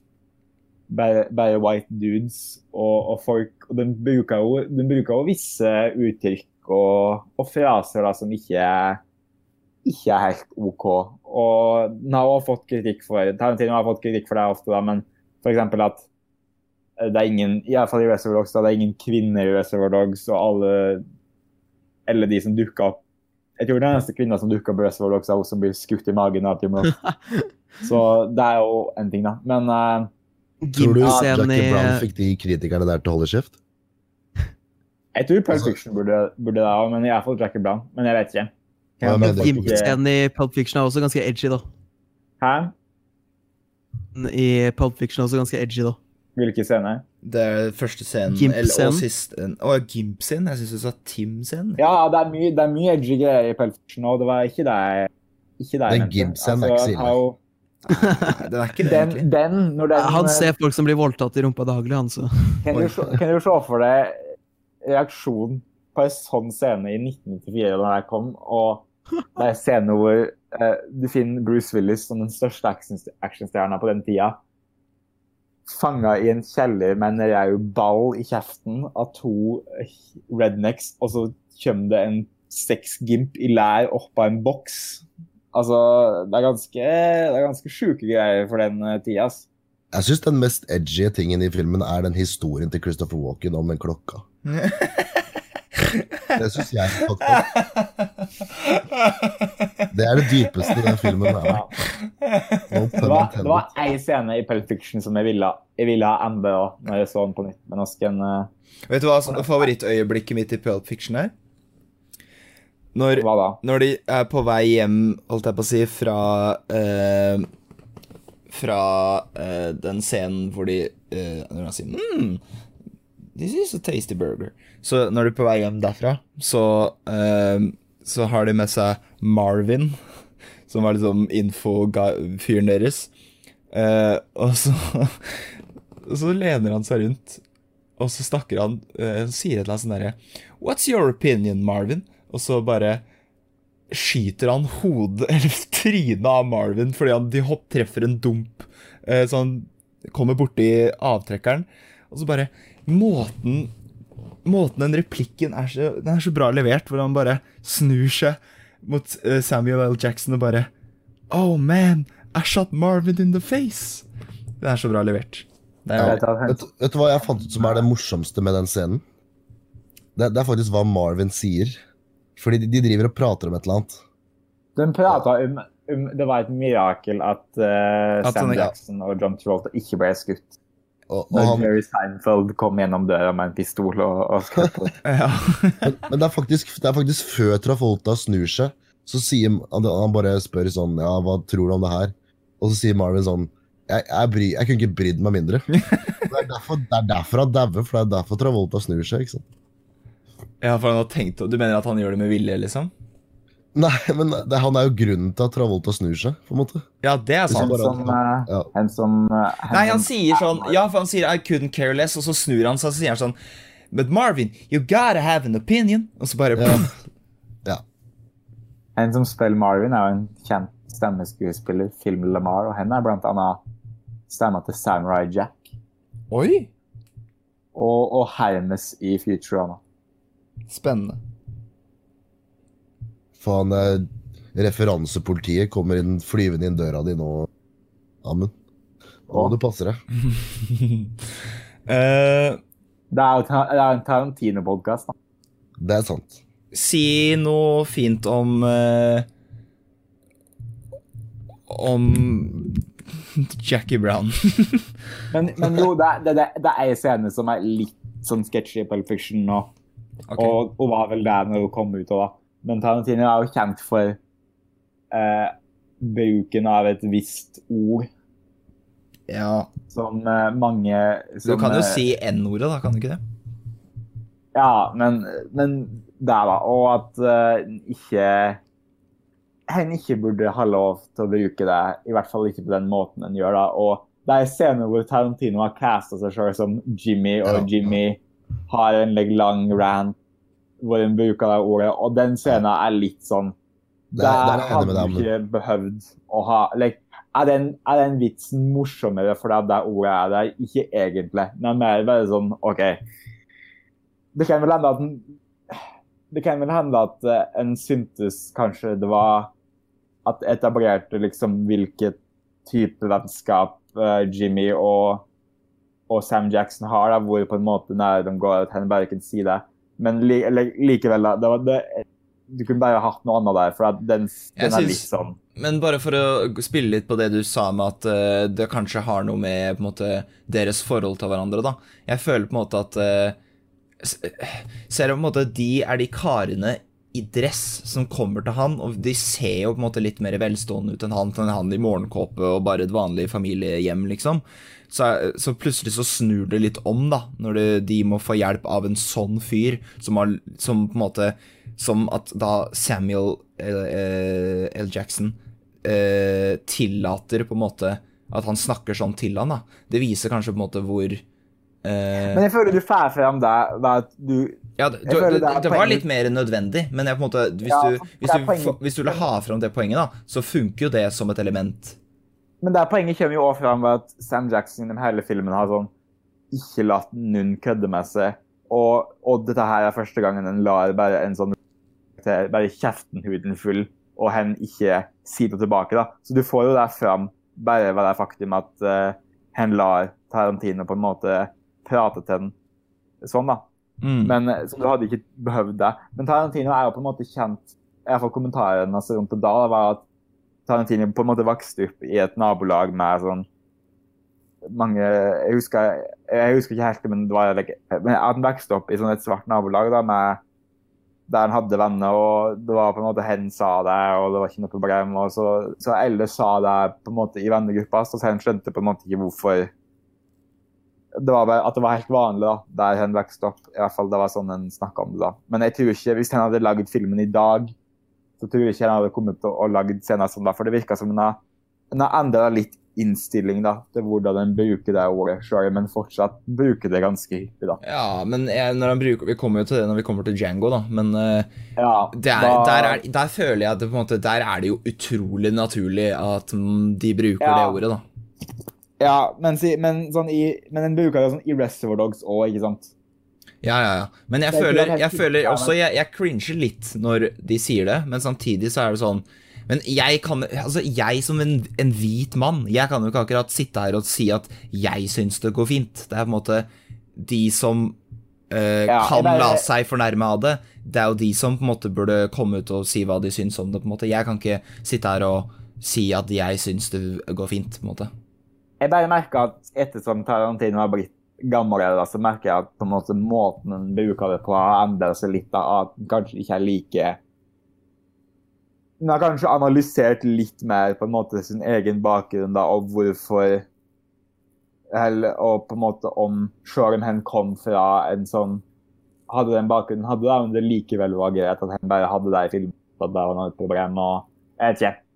Mm. Han har én line i Inglorious Busters også, hvor eh, det er, det er, ikke han som sier det, da, men det er en av de tyske nazistsoldatene ja. som sier det.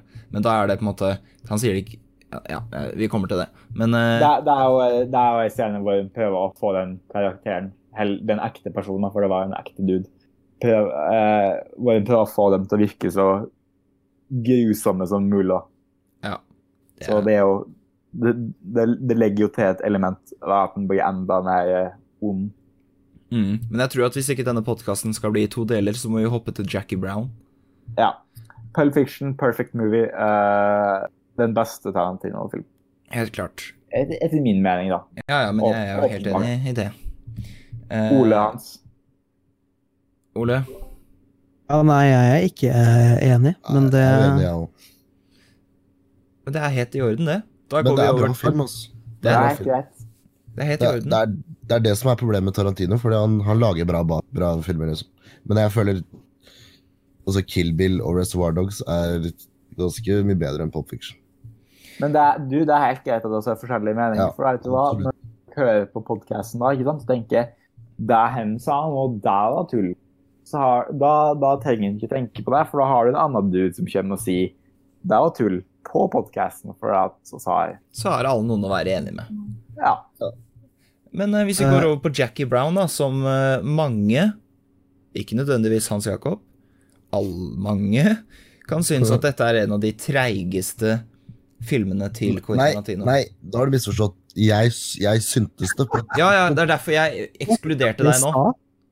Jeg ekskluderte, jeg, med vilje ekskluderte jeg nå, for jeg fikk med meg, jeg fikk forklart av Amund og de at du eh, mente at du ikke syntes det lenger. Men jeg kan Nei. forstå veldig godt folk der ute i verden som syns hvis, ja, hvis, de syns at Jackie Brown er en av de treigeste filmene, så kan jeg forstå det. For første gang jeg også så den, så er det samme problemet med at åh, det her var litt kjedelig. Jeg følte ikke helt greia her. Fordi selv om dialogen er utrolig bra, så trenger man også noe innimellom for å spice ting litt opp. Eh, det er det som er så kult med Pulp Fiction, at det er ikke kun eh, dialog, da. Men jeg syns også dialogen i Pulp Fiction er bedre enn Jackie Brown. Da. Men det, er, det som er kult med Jackie Brown, er for meg, er Jeg syns det er så sinnssykt mange bra scener i denne filmen. Og jeg syns uh, det, som er, det som, jeg, som jeg sa, jeg er veldig glad i atmosfære og lukka omgivelser. Og jeg syns på en måte det Jackie Brown gjør veldig bra, er at den klarer å få meg da, til å være helt med i dette universet, og jeg føler at jeg sitter med disse folka i dette lukka området, i disse, i disse, leilighetene, på dette kontoret, så føler jeg at jeg er der, da. Og den er ikke så veldig eh, På en måte etter Jackie Brown, kanskje. Jeg føler litt Death Proof og litt Kill Bill er litt sånn lukka, de òg, på noen måter. Men etter det så føler jeg sånn som uh, Django og Inglorious Bastards og uh, uh, The Hateful Eight Selv om den er lukka Nei, ikke Hateful Eight, drit i det uh, Django og Inglorious Bastards da, er veldig sånn, selv om de har lukka scener, som er dritkule, spesielt Inglorious Bastards, så føler jeg de filmene er litt mer sånn åpne. Jeg vet ikke helt åssen jeg skal forklare det, men de er litt mer sånn eh, Litt større, da. Eh, I på en måte De har flere locations, og de har flere sånne ting. Så, men hvor var det jeg var på vei? Jo. Det det jeg, jeg tror du skulle det, si at du har et veldig lukka sinne, Martin. Det kan hende. Jeg er veldig Det er en film med veldig low stakes da, i forhold til mange andre sånne Ja, de, de, har jo ikke nødvendigvis low stakes, men at de på en måte er det er veldig pri, en privat setting, da. Og det har jeg alltid vært veldig fan av. Det er, det jeg, mente, jeg, mente, spesielt med Jackie Brown, da. At summen penger det er snakk om, er veldig liten, da. Men du, du får deg til å bry, om, bry, deg om det på grunn av at du er helt med disse folka. Jeg skjønner at du trenger de pengene. Jeg, jeg er helt med på dette her, jeg. På en måte. Uh, så ja, det er det egentlig det forholdet jeg har til Jackie Brown. Og, uh, jeg må egentlig se den igjen, for jeg, jeg har sett den to ganger. Jeg føler ikke jeg har sett den nok, fordi uh, jeg pleier alltid å se liksom Tarantino-filmer om igjen. Ah, når jeg har lyst til å se den Tarantino-filmen, så ser jeg den. da, på en måte. og jeg har ikke hatt lyst til å se Jackie Brown så mye etter den andre gangen jeg så den, for jeg følte sånn Ok, jeg liker den filmen her. Uh, men det er ikke den filmen jeg kommer til å se om igjen mest, da. Uh, men jeg føler jeg burde gjøre det igjen nå, fordi uh, det er mange sånne scener i den filmen her som jeg på en måte lengter etter til å se igjen, da. Spesielt de med Robert De Niro og Samuel L. Jackson syns jeg er veldig bra gjort. Det er, det er en film om mennesker som ville oppnå noe, men så ble de gamle. Og det skjedde aldri. Og så prøver de å prøver de å få en, en viss uh, grad av suksess i, av det de kan, mens de fortsatt uh, har noe igjen å by på. Og du Pam Greer ja, hun, hun, hun spiller Du har flyvertinne som jobber for et sånn skittig selskap, og at hun prøver bare å prøve å komme seg ut av den situasjonen hun er i og få et litt bedre liv. Sam Jackson er en sånn skikkelig sånn low level weapons, weapons dealer som prøver å, å, komme seg og pensjonere seg med det, det vesleren får tak i. Robert De Niro er sånn en eh, kriminell som prøver på en måte å, å holde i live en livsstil som ikke lenger er mulig pga. på en måte hvor, har, hvor, gammel den er blitt, da, eller hvor den har havna. Det er på en måte det som går inn i hele karakteren. Da, og at mm. Det er en veldig eh, det er ikke, det er ikke en Jeg tror Robert De Niros karakter er på en måte gitt opp. ja, det er jo helt si at, patetisk. Jeg vil si at Robert De Niros karakter Jackie Brown er sånn en av de mest patetiske karakterene som kanskje noensinne har vært på film. Karakteren hans er så lame at jeg men det er det, det som gjør den så bra, da, i min mening. Ja, ja, det er, det er, absolutt det som gjør den så bra. Jeg vil si at det er kanskje det performancen til De Niro som er sånn skikkelig A pluss, liksom. Ja. Jo, men uh, Samuel L. Jackson òg er ganske Ja, ja, ja. Henne er, alle er bra i filmen. Mm. Alle er bra i Jackie Brown. Hva, hva syns du om måten hun uh, Melanie forsvinner på? Jeg syns det var så genialt når jeg så det igjen. Jeg har hørt at jeg har hørt at mange, ikke, mange har på en måte kalt at det er enda et eksempel hvordan Tarant hater kvinner og unødvendig vold. Og, og jeg, det, er, det, ligger noe i det, men jeg synes at da har de på en måte ikke forstått Nei. Det virker i hvert fall ikke sånn det jeg leste, at de har forstått poenget med scenen. Og det er ikke sånn at Altså, du må, du må slå helheten i det, for De Niro er jo sånn ja. den mest patetiske karakteren, og nå ble han gått og på en måte eh, bare totalt kritisert og gjort narr av av henne. Og fordi at henne åpenbart ikke er like kul som hun en gang var. da. Og, og hva er det som, og, og så skyter han jo for at det er den eneste måten hun vet kanten kan, uh, kan takle problemet på. For at, um, for at er jo en litt dumming, ikke sant. Men, men, det er jo ikke sånn at karakteren hans kjører ut i solnedgangen rett etterpå det. Det som skjer, er at en går inn i bilen til Sam Jackson. Sam Jackson spør hvorfor gjorde du det, og han har ikke noe svar. Og så blir han skutt, og så går Sam Jackson bare. Så det er ikke sånn at den karakteren har noe happy end etter det. Ja. En, en, en, en dau er jo en ganske ganske lame død. Ganske også. patetisk død, akkurat som patetisk han er sjøl. Ja. ja. Det er ganske bra ark. Sånn, hva syns du om å se Frank Truman uh, 20 år tidligere enn hva vi er vant til, uh, uh, Amund. Frank Truman? Ja. Ja, ja, Twin. Twin Peaks. Ja, ja, ja, ja. han har ikke noe Skype-samtaler i denne filmen. Da. Nei.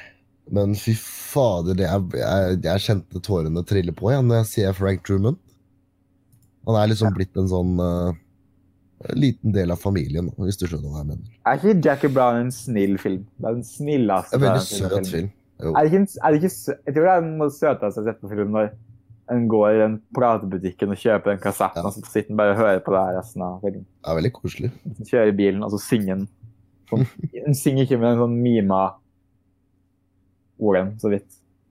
Jeg tror, det, jeg tror faktisk Jackie Brown minte meg litt om, om, om Twin Peaks, faktisk. Liksom hvor, sånn som du nevner, hvor koselig for, altså, Huset til Jackie Brown er den koseligste lille leiligheten jeg har vært i på en stund. altså.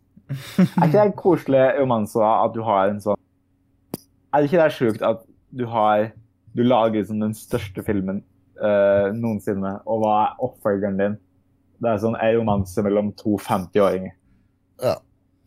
Men det, det, som er paradoks, er at det funker jo så mye bedre. ikke sant? Det er så, så flott, ikke sant? Ja. Og det er en av de få filmene jeg har laget der, der ikke Elle-karakteren høres ut som Quentin Tarantino. det er sånn egne karakterer, og det høres ut som det er bare han som går og babler. Jo, men det tenkte jeg på. Jeg, når jeg så filmen, så tenkte jeg det her kjennes ikke ut som det er skrevet av Tarantino. Det, men det er også basert på en bok, ikke sant? Er det, ja? Ja, det er, en, det er den eneste filmen jeg har skrevet hvor det er på en måte basert på noe annet. Syns du det er rart, sånn um, lite coincidence, at de driver liksom i Reservoir Dogs, så prater de om Pam Greer, da, når uh, i de der gamle B-filmene hun spilte i. Ja. Og så plutselig så er hun liksom hovedstaren i en Tarantino-film. Men det er det Tarantino gjør, da. For Tarantino ville jo bare resurrecte karrieren til hun likte. Det var derfor hun hadde John Travolta i Pulp Fiction og, og Pam Greer da, i den filmen her. At hun ville bare få i gang karrieren til de folkene hun syntes var kule når hun ja. vokste opp. Har, har, du hørt den historien når Pam Greer var på audition? Altså, i, altså i, i, det kontoret til, til eh, Tarantino da, så var det masse plakater med Pam Greer-filmer. Og så spør Pam Greer sånn Å, tok du de opp fordi jeg kom? Og han bare Nei, jeg skulle ta de ned fordi du kom. Har du noen tanker om Jackie Brown, Ole? Uh, Harmony Corinne. Hva ja. var det? Ja, Chris Rock. Chris Rock er ikke regissør? Nei. Å ja, det var det du holder fortsatt på den kødden. Ikke, ikke, dra Spring Breakers inn det her. Nå hadde vi det koselig. Ikke, ikke våg engang. Er ikke okay, det favorittfilmen til en viss lærer? Ja, var ikke det Drive? Jeg, jeg innbilte meg at han sa det en gang. Vet du hva, Nå må vi spille ting opp her. Så vet du hva, Nå gir jeg oss to minutter på hver film, og neste er Kill Bill. Ja, Men det, vi tar volum én og to i samme, eller? Ja. OK, vi uh, starte nå. Kill Bill er uh, den filmen til Quentin Tarantino jeg uh, ser minst igjen, da, for å si det sånn. Og det er uh, Det er, er det fordi den er så lang? Ja, det er det òg. For jeg må jo se begge to etter hverandre. For jeg vil argumentere med at det er en av de mest Altså, jeg tror det er mest underholdende Tarantino. Er, de er veldig underholdende, det er jeg helt enig i, men samtidig så er det um, hva skal jeg si, ja? Jeg er du har ett og et halvt minutt igjen. Uh, jeg, uh, jeg, jeg kan like revenge-filmer og katt og mus-opplegg veldig mye, men akkurat i Kill Bill så er jeg ikke helt med. Uh, men jeg liker Kill Bill, og jeg syns det er bra filmer. Men i min mening er en av de mindre gode Quentin Tarantino-filmene, selv om det er de en av de han er mest kjent for. da. Så det er veldig rart. Er, jeg har veldig rart forhold til eh, Kill Bill. Eh, jeg vet ikke helt hvor dypere jeg kan gå i det, fordi jeg har okay. bare sett de to ganger. Okay, okay. Da, det beste som uh, har kommet ut av Kill Bill, er jo den videoen hvor han krangler med hun uh, nyhetsreporteren. da. Ja, okay. Stemmer det. Kjapt om Kill Bill, da. Uh, volum 1 uh, er en perfekt underholdningsfilm. Uh, veldig bra gjort. Uh, volum to uh, begynner å gå inn på litt mer dypere tema, og det er mye mer interessante ting på, til, på en måte som foregår der. Men jeg synes den er litt mer rotete og ikke funka like bra som det enderen går etter. Så bra filmer. jeg vil si at totalt er det Jonathan Tarantinos beste, men det er, ikke, det, er ikke, helt Det er ikke like bra som Jackie Brown. da. det var min mitt bidrag. Nei, jeg, jeg tror liksom hvis, hvis, det kom et romvesen til, til, jorda, da, og du skulle beskrive Tarantino til noen, så hadde jeg visst det Kill Bill, fordi Kill Bill er den mest Tarantino-filmen av alle filmer han har lagd. Mest altså, referanse, i hvert fall. Eller, eh, jo, jo, men, er, filmen er jo bare referanse. Da. Jo, men hvis, hvis, du ser sånn Jeg tror det er derfor jeg kommer sikkert til å komme tilbake når vi prater om Glorious Bastards, hvorfor jeg finner uh, stilen hans distraherende i noen, i noen filmer. Men liksom, i Kill Bill så er det er bare stil, ikke sant? Men med masse substanser, ikke sant? Så jeg, jeg tror faktisk Kill Bill-filmene er de mine favoritt-Tarantino-filmer. Men jeg syns Reservoir Dogs er en bedre film. Ole, har du noe å si om Kill Bill? Uh, David Robert Mitchell. Ja, OK. OK, oss, eh, oss gikk over for litt siden, men uh... Du er ubrukelig da, Ole. Nei, jeg, bare, jeg merker jeg er ikke egentlig så veldig motivert til å snakke i timevis om Tarantino, for helt ærlig. er det sant? Du, du får Ari Aster-episode neste gang, OK? Hæ? Du, du får Ari Aster-episode neste gang, så da Da kan den andre sitte og surmule. Da blir det Ole-show. Det blir Martin som skal sitte og høre på dette her. Ok, okay, jeg, okay. Vi, tar en runde. vi tar en runde. Beste scene fra Kill Bill. Amund starter.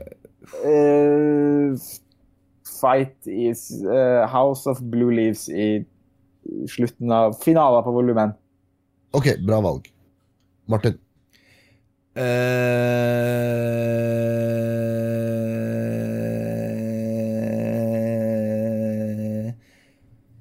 Jeg har lyst til å si når hun blir begravd levende, men jeg er litt usikker på den, egentlig. Ja, Da burde du se hans, faktisk, han, den CSI-episoden hans, for det handler om en detektiv som blir begravet levende. Oi. Hele episoden handler om det. Spennende. Er det ikke det episoden hans av Jimmy Kimmel handler om? Det kan hende. ja, det var det jeg det, Jeg lurer på Jeg har ikke sett uh, episoder henne regissert av uh, late, uh, Jimmy Kimmel. Men uh, jeg lurer på hva plottet i den episoden er. Jeg tror faktisk det er den, jeg tror det er den episoden der uh, Jennifer Lawrence tar over som host. Ja, ok. Jeg tror den Tarantino-episoden var gammel. ja, ja. Det var, før, det var nesten før Jimmy Kimmel ble født. OK. Uh, jeg fikk ikke, fikk ikke, sagt så mye om Kill Bill, men jeg synes oss, uh, oss, oss kom fort igjennom. OK. Jeg vil bare, jeg vil bare nevne én ting, da. Litt mer generelt om karrieren altså, rundt den tida her. At jeg tror at grunnen for at Jackie Brown feiler av, liksom, ikke sant? Ja, økonomisk? Den, ja, det var ikke en like stor suksess da, som de forrige filmene hans. Og, og kritikeren var ikke helt sikker på hva de skulle gjøre med det. Unntatt Roger Ebert, selvsagt. Han er jo alltid, alltid ahead of the curve. Hva skulle vi gjort uten han, Amund? Ja, nei, det er Fire stjerner ga, ga jeg. The man. The myth. Uansett. Uh, så jeg lurer på om det er på en måte hvordan karrieren hadde sett da hvis Jackie Brown var en skikkelig stor suksess. For det var en veldig annerledes og mer voksen film, da, hvis en skal si det sjøl. Jeg synes jo Pulp Fiction alt det der ja, Det er en litt mer sånn voksen og, og roligere film, da om hvis den hadde vært en skikkelig stor suksess, hadde den da lagd Kill Bill, som er mye av det Tarantino-fans liker. da. Jeg likte med Tarantino at veldig mye referanser til ting. Veldig like, en kul film. Uh, action, gore, altså alt det der. da. Ja. Hadde den lagd Kill Bill da, eller var Kill Bill noen tenkte ok, det her kanskje da, Nå vinner tilbake, nå vinner tilbake folket, da, liksom. Det var kanskje han også som ville tilbake til noe, det han starta med. på en måte. Ja. Litt det samme som det jeg tenkte med den, den veien karriera stått på 90-tallet. For at Pulp Fiction var jo skrevet sammen med Roger Avery. Det var jo ikke bare han som skrev den filmen. Sånn den sekvensen hvor uh, de, de, skal rense bilen og Harvey Keitel kommer, den er jo, så vidt jeg har skjønt, i hovedsak skrevet av Roger Avery og ikke Quentin Tarantino. Så jeg lurer på, og, på, på hva, hvordan karriere, vei karrieren hadde tatt da, hvis han ikke ble sånn veldig uh, obsessed med det å være the author da, og kunstneren og være den som har skrevet og regissert filmen, og at han har sånn the fourth film by Quentin Tarantino og alt det der. da. Hvis han ikke var så Hvis han ikke ble sånn veldig opptatt av det da, og lot og, og, var litt mer fleksibel med kanskje å skrive manus for andre regissører og sånn. Og gjorde For henne òg, for eksempel. En, en skrev jo om igjen han skrev jo et utkast til Crimson Tide. ikke sant? Han gjorde jo rewriting på den filmen. Ja. Eh, og hvis en, hvis fortsatte å gjøre sånne ting da, og, og, og være litt mer fleksibel, jeg lurer på hvilken, hvilken karriere vi har sett nå. da. Om det, jeg tror det kunne være interessant. eh, Mener, prøver du å Eller kan jeg tolke det som at du syns at han tok en mer pretensiøs vei, da? Ja, jeg synes egentlig det. Og det, er- det er på en måte det som gjør Jeg føler det er veldig få regissører, til Scorsese og Spielberg lenger, der det er sånn et event når en av filmene hans kommer ut. Og det er jo det på en måte Det har jo gjort oss Det har jo vært med å skape den følelsen da, hver gang en gjør ut en film, men jeg lurer på kanskje karriere Jeg tror hun hadde hatt en interessant karriere da, hvis hun hadde latt seg sjøl være litt mer eh, åpen da, til andre, andre folk eh, og, som kunne være med og hjelpe og, og påvirke tingene hans. og sånn. Da var det Death Proof. Ja. Ok, Jeg setter to, to minutter på klokka fra nå. jeg syns Death Proof er en forbaska kul film. Uh, den kan Den drar litt ut på slutten. Uh, men det er en, den har veldig kul musikk. Jeg er veldig glad i uh, eh, Kurt Russell sin karakter. Jeg syns den er veldig kul. Uh, det er mye rart med filmen, men samtidig så syns jeg den filmen er rimelig, rimelig kul. Og så er det, står det her på Google ved å bruke sin dødsbevis-stuntbil. Altså er det ikke et ordspill, altså death proof, altså den er dødssikker, samtidig som det er et bevis på hva han bruker til å drepe unge jenter med. Jeg trodde det var et ordspill. Har jeg tenkt feil hele veien? For jeg vet da faen. Eh, det er det jeg har å si om death proof. Eh, sorry, en ting til. Det er også eh, veldig, veldig kul cinematografi mange av stedene. Uh, det er en scene i Death Proof som jeg er veldig glad i. Men som er veldig, det er, tror jeg en av de trist Altså, for en karakter, da. Det er den scenen der jeg sier sånn Åh, eller å nei. Du vet når de forla... Når alle de pussy Hva de kaller seg? Pussycat Dolls? Jeg husker ikke. Når du bare forlater hun jenta med det, Ja, vet ja, er en ganske han shady grisen. Ja.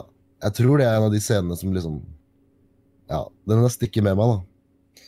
Det er veldig trist for hun jenta. Ja. Men jeg, øh, også en ting er den øh, Når du ser han begår de drapa i bilen, det er ganske Jeg tror det er peak Tarantino øh, gore. ja, det er jo slasher, da. Men den, det bilkrasjgreiene der, det er ganske tøffe saker, også. Enig. Det er sykt kult gjort, da. Eller Eller filma.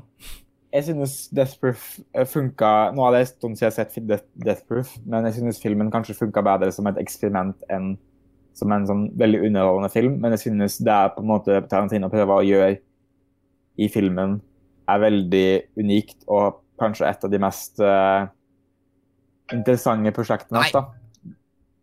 Der gikk klokka. Og, Er det eh, Paradise? Men, men, nei, jeg skal holde Jeg skal gjøre, gjøre ferdig, OK? Jeg skal være kjapp. Men uh, jeg, jeg syns kanskje den er litt lang, Uh, og det er litt mye dødtid. Men ellers så, så synes jeg på en måte det, det jeg, les, jeg leste sånn ett review som på en måte highlighter det ganske bra, da, men at første halvdel av filmen er liksom en slags uh, uh, Veldig sånn Sånn hommage til sånn øh, til sånn Grindhouse-filmer og exploitation-filmer og alt det der, og det er veldig lojalt til hva de filmene er. For eksempel, jeg synes eksempel Planet Terror da, er mer en slags parodi eller film lagd med samme elementer, mens Death Proof er, er en Grindhouse-film, liksom. Det er veldig tydelig sånn Det er akkurat sånn en Grindhouse-film er, at det er veldig kjedelig og lang. Hæ? Eh, til korttidsperiode. Hva du sa Glem det. Hva er det som skjer med Ole i kveld, da? Er du med? Jeg må sitte inne på et rom og svette i hjel. Nei, det går ikke bra. Nei. OK, men jo, at første halvdel av filmen er liksom en slags uh, At det er veldig sånn en lojal marsj, da, men andre halvdel så på en måte skifter filmen gir, og det blir en slags uh, feminist-dekonstruksjon av hele sjangeren, og, og, og Tarantino plukker på en måte hele greia fra hverandre, da. Uh, det var det ikke jeg som har skrevet, men det er på en måte det jeg, jeg er enig i det, og det var en veldig bra måte å, å gjøre filmen på. Og jeg lurer på kanskje om jeg kommer til å like den mye bedre. Men jeg lurer på, var det noen andre som også forsto Death Proof-tittelen som at det, at det betyr dødssikker? Uh, ja. Altså at den er Den er death proof, altså den er proofa mot død. Nei, jeg tror det er jeg, jeg tolk, Du tok som motsatt. Ja. At når du setter deg i bilen, så er du Det er bevist at du kommer til å dø. Ja, fordi det er på en måte ordspillet jeg har tenkt meg fram til. da At det er et bevis på at du kommer til å dø, men samtidig så er den Han reklamer, altså han bruker jo stuntbilen, han har brukt den i filmer, han har brukt den hele veien, og han har aldri dødd mens han har brukt den, og så han kaller den på en måte uh, at den er dødssikker. Ja. At den er death proof, ja. ja. Det var Ok. Altså, Nei, det, det, er fair, det. Men er, er du enig, Amund? Hvordan tolka du tittelen? Det er jo at bilen er dødssikker. Da. Det er det som er greia. At, er, at film, bilen er dødssikker, men bare hvis du sitter i førersetet. Ja, det er nettopp det òg, da. Det er jo det som er greia. Det er det. Ja. Jeg tror jeg sona litt ut når du begynte å prate om det. Nei, det, det går fint. Ole? Ja, nei, jeg, jeg, er bare sånn 75% sikker på at jeg faktisk har sett hele filmen. da. Men, uh, Kom med en regissør, da.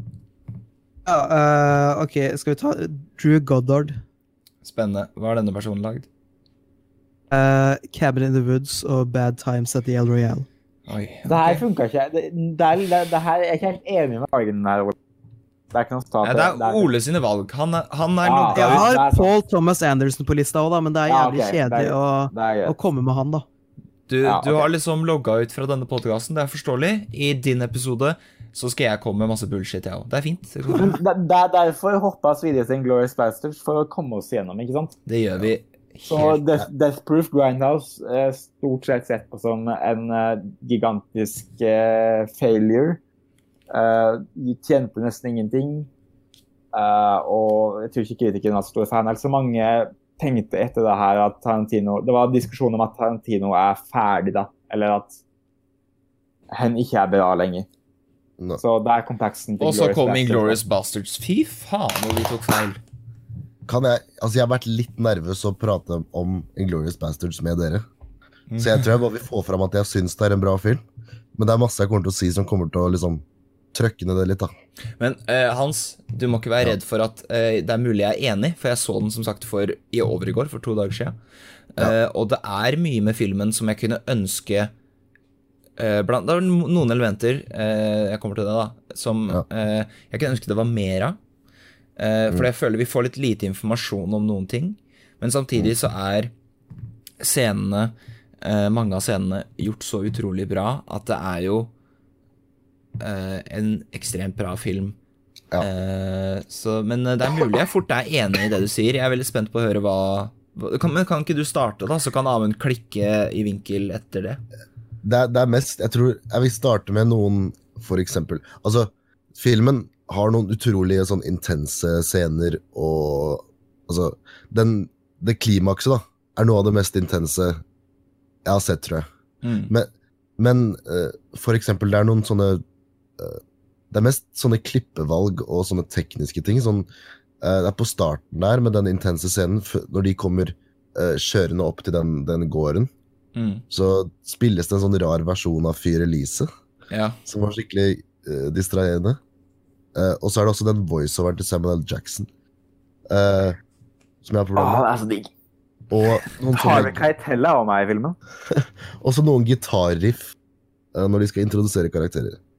Ja, det, det syns jeg er Ok, kan jeg si litt om Fordi de som av en eller annen grunn ikke har sett den, da, så handler det jo en alternativ andre verdenskrigsfilm eh, hvor alt er fiksjon, men basert på virkelighet. Eh, hvor det da handler om eh, Hans Landa, som blant annet, som er da eh, The Jew Hunter, som eh, er, jobber da selvfølgelig for nazistene og jakter ned eh, jøder for å drepe de. Og så handler det om Hun husker jeg ikke navnet på, men Shoshana. Shoshana, ja, som er en fransk-jødisk kvinne som uh, ender opp med å klare å flykte uh, fra OK, du, det her har jeg ikke tid til, Martin. Okay? Nei, OK, nå, nå. jeg skal speede det opp.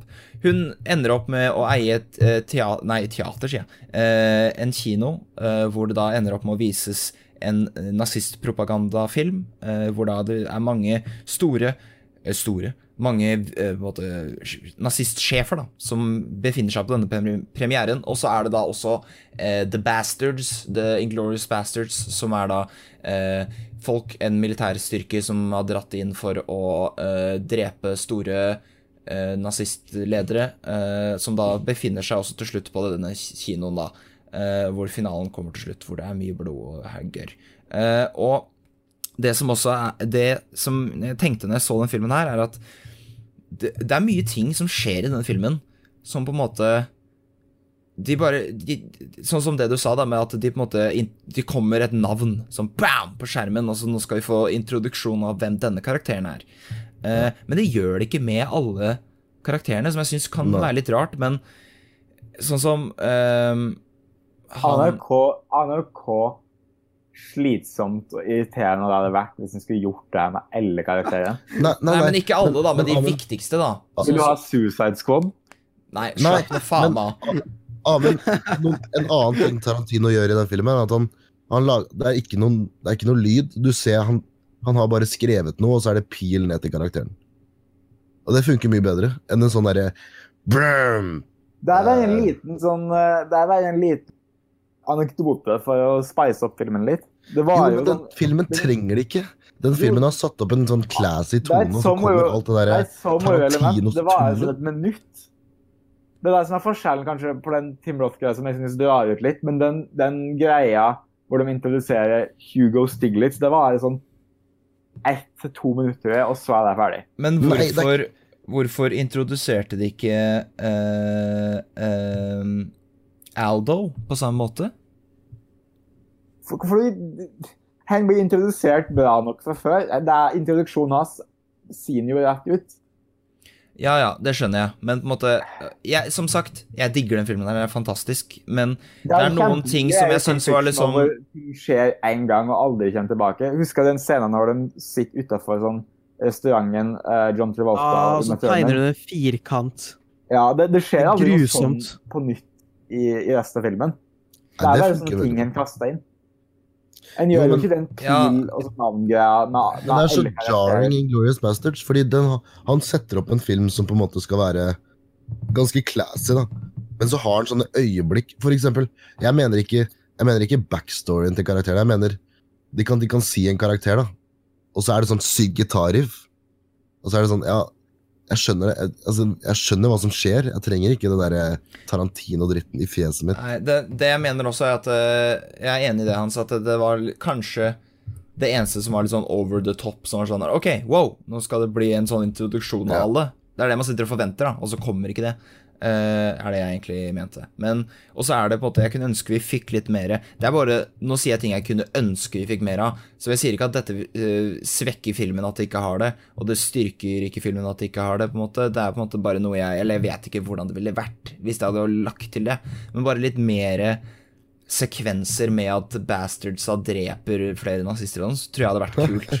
Ja, men sånn Jeg føler vi bare får én sånn skikkelig scene Utenom selvfølgelig finalen. Hvorfor trenger oss det i filmen? Nei, det er bare noe jeg personlig vil ha, sier jeg bare. Ja, men noe... filmen handler egentlig ikke om bastards. Ja, det gjør jo ikke det. Nei, jeg, handler egentlig ikke om det. Jeg vet det. Det er bare noe jeg kunne ønske at det ja, var ja, ja. med. Absolutt. Filmen handler om to ulike hevnhistorier som etter hvert kommer til sammen uten at de vet det. Ja. Da tenkte jeg også på sist gang jeg så den, at ingen av de Shoshana finner aldri ut at det er andre folk på kinoen som òg skal prøve å, på en måte drepe Hitler og alt det der. Ja. Hun vet aldri det i løpet av hele filmen, og hun finner aldri ut. Og hun vet og vel heller ikke at Hitler er i salen? Jo, hun vet det. Men, Hvordan fikk hun med seg det? For at hun eier jo kinoen. Det er jo Ja, Men hun trenger ikke å få vite at Hitler kommer for det. Jeg tror hun vet at Hitler Det er ikke så viktig, da. Det jeg skal si var at jeg tror heller ikke bastards når de på en måte kommer i gang, at de vet at hun som eier kinoen òg skal prøve å Det har vært en moroting jeg la merke til sist gang. Mm. Uansett. Bare, har du noe mer å si? For, for nå um... Jeg har um, Jeg vil si at det er en scene i Glorious Bastard som er favorittscenen min fra noen Tarantino-film. Og det er når um, Daniel Brule sin karakter uh, kommer inn tilbake til Shoshana når hun er oppe i det prosjektrommet. Oh. Ja, og så Favorittscenen min er når hun, når hun blir skutt. Fordi det er så sykt vakkert. liksom Den, den røde kjolen og alt det blodet. Og den musikken. Og nei, det er helt, det er helt rått. Og hele den scenen er ganske bra. Den scenen Daniel Brühl Brühl tror at han skal endelig, endelig vinne hjertet hennes. Så går han og lukker døra, og så bang, så blir han skutt. Ja. Og så ser hun ned på lika, og så ser hun opp på skjermen, og så ser hun Ja. ansiktet hans. At den, å, den har egentlig ikke lyst til å være i krigen, og han er konflikta. Og så begynner hun å angre på det hun har gjort, og ser ned på henne, Og da, bang, så skyter hun hen hun, og så dauer de. Ja. Begge, begge døde på grunn av, av hevn og alt det der. Åh. Ja, det er bra, og så kutta det sånn brått Eli Roth og henne andre duden som skal gjøre noe greier. Hvorfor ser den Hitlerlokka altså, hvorfor ser den Hitlerlokka ut som en dokke? Er det en vits? Ja, jeg tror det er en Tarantino-greie. Okay. Men det det ser jo så sjukt gøy altså, bra ut på en måte. Det ser jo vanvittig ut. Altså, okay, det men Det helt jævlig ut. Ja, ja, men det Ja, ja, ja det gjør det. Men på en måte at det, det som gjør det så bra, er at det ser bare helt latterlig ut, på en måte. Det er det Ja, men da er det en vits, da. Ja, ja, det er det antagelig. Okay. Men det er jo bare så utrolig latterlig og kult. Jeg syns det er veldig morsomt da, og eh, bra gjort at på en måte Altså, samtidig som det ser ræva ut, så er det på en måte nå, er jo, nå har vi sagt spoiler for lenge siden, men at det skyter jo trynet til Hitler i stykker. Og det er på en måte en dokke som Man skjønner at det er en dokke, men samtidig så styrker det effekten med at det, det ser jo Det ser enda sjukere ut når det er en dokke, hvis det gir mening. Ja, ja. Og da ser det på en måte litt bedre Men, ut. da. eh, men skal vi bare prøve å komme oss Jeg kan bare kjapt bare oppsummere hva Folk har vel kanskje forstått hva jeg, hva jeg syns om Inglourious Basterds, men jeg synes med unntak av Pulp Fiction, så synes jeg det er den uh, strammeste, beste, mest ambisiøse filmen hans, som har mest å si, med mest dybde og, og på en måte alt, alt hele pakka. Mm. Og har, har kanskje den beste sånn tension-scena i en film på sånn mange, mange år. Når de er nede i den baren med Michael Fassbender og alt det Ja, for du syns du Og- den er bedre enn åpningsscena? Ja, jeg syns den er bedre enn åpningsscenen. Ok. Jeg synes Men, det, er, eh, det er en veldig eh, Det er mange YouTube-videoer, eller ikke mange, da, men eh, Og den scenen highlighta hvorfor filmen ikke hadde funka hvis folk skulle snakka Hvis alle karakterene hadde snakka engelsk. det er Og- et veldig godt poeng. Og den, den scenen hadde ikke kommet til å funke da, for hele den scenen er bygd opp, og mye av filmen er bygd opp på uh, hvordan folk uh, eh, Språket til folk og dialekter og kulturforskjeller, og det er det som avslører Michael Fassbender i den scenen, og at han, at han ber At han viser sånn fingeren At han viser tre fingre, men på en annen måte enn det som er vanlig i Tyskland, liksom. Mm. Okay. Så, det, så hele filmen hadde jo ikke funka hvis, eh, hvis den skulle gjort som mange Hollywood-filmer og, og latt karakteren prate engelsk og, og cast, eller casta amerikanske skuespillere til å snakke som tyskere istedenfor å caste som fra de landene. Ja, samme. Per, per, perfect movie. Ja. Har du noe å si om Bastard, Sole? Eh, ja, det er min uh, favoritt-Tarantino-film. Og jeg tror det er den eneste filmen hans jeg godt kunne vært på en hel podcast på hvor jeg har vært investert i samtalen hele veien. Uh, og jeg, jeg, jeg, jeg føler det uh, jeg, Nei, nei, men hvis hele podcasten bare hadde handla om Glorious Bastards, så hadde det vært kult. Men Nå var veldig uh, sjokka. Jeg trodde du likte Reservoir Dogs best. Nei, det sa jeg aldri. Jeg sa jeg likte den bedre oh, ja, enn okay. Pulp Fiction. OK. Da Jeg har absolutt ikke sagt at Reservoir Dogs er best. Nei, Det, det er mange filmer jeg liker bedre enn Reservoir Dogs også, i uh, resumeet hans. Men, Nei, okay. uh, men jeg, jeg føler den scenen dere snakka om, da, hvor, eh, hvor de snakker tysk og, i, den, eh, i den baren, at det på en måte oppsummerer hele filmen. da.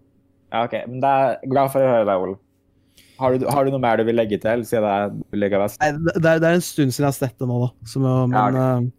men eh, ja, den, den åpningsscenen også, når uh, løper i den engen, Ja. Også ganske flott. OK. Skal vi komme oss videre på Jango? Django Unchained. To, to, to minutter på klokka nå. Uh, Django Unchained er en utrolig kul westernfilm. Uh, som da gir et nytt perspektiv på western. Uh, jeg har ikke sett altfor mye western, men jeg har egentlig heller ikke hatt så mye forhold til western. Men jeg syns filmen er innmari kul. som fortsatt kjempebra dialog. Kjempekul historie hvor det på en måte prinsen skal redde prinsessa. Eh, syns det eh, Christoph Waltz sin karakter, eller sitt, sin karakter og skuespill er genialt. Eh, samme fokseren. Eh, også den duoen syns jeg funker veldig bra.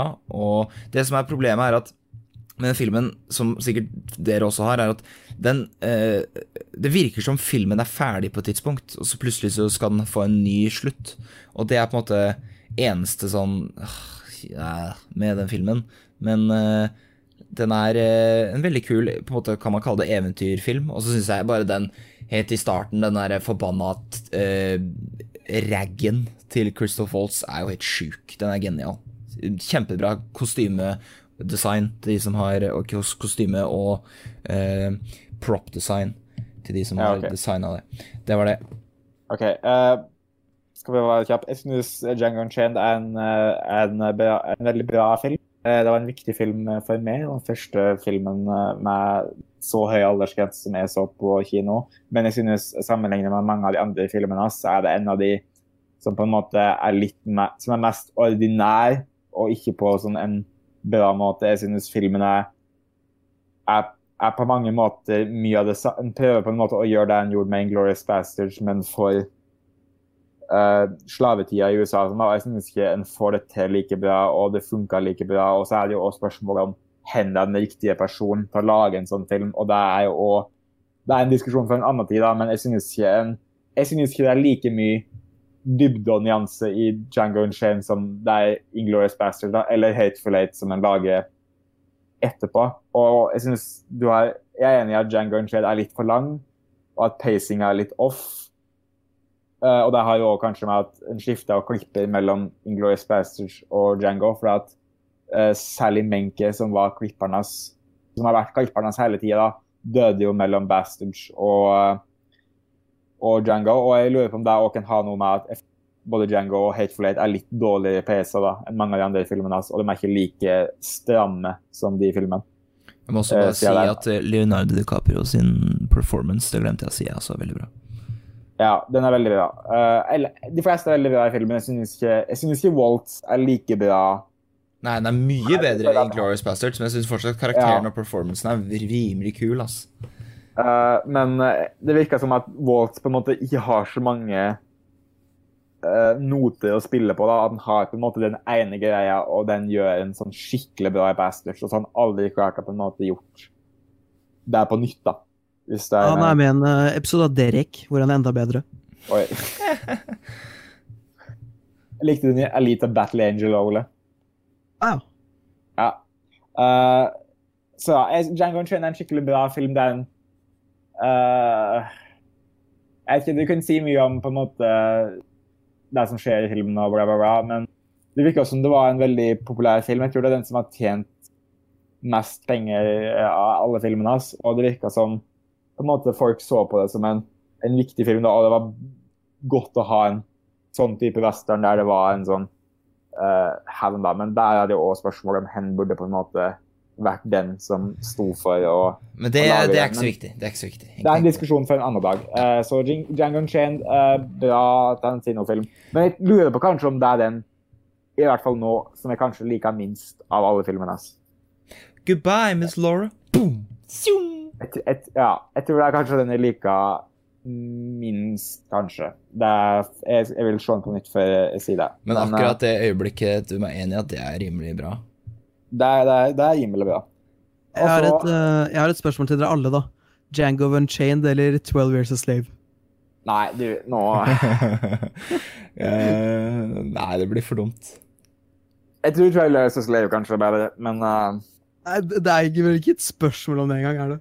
Nei, det er ikke det. Men jeg, jeg, jeg føler ikke Slave kanskje Det blir litt feil å sammenligne de, da, blir det ikke det? Ja, det blir, det blir litt feil. Men jeg, jeg, vet ikke om man skal snakke det, er, det, er, en diskusjon for en annen dag. Uh, jeg syns Jan Unchained kanskje har det beste soundtracket. Da.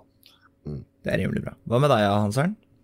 Jeg syns kanskje um, av alle Tarantino-filmene så er det den som passer mest på kino. Uh, men det er én ting som Og det, det, som er veldig rart med det her, er at jeg aldri fikk sett den på kino. Fordi jeg, jeg kom ikke inn, for jeg var for ung. Uh, men jeg har alltid ønsket å se den på kino, da, fordi den har veldig den uh, Det er litt rart å si, men det er jo veldig cinematisk film.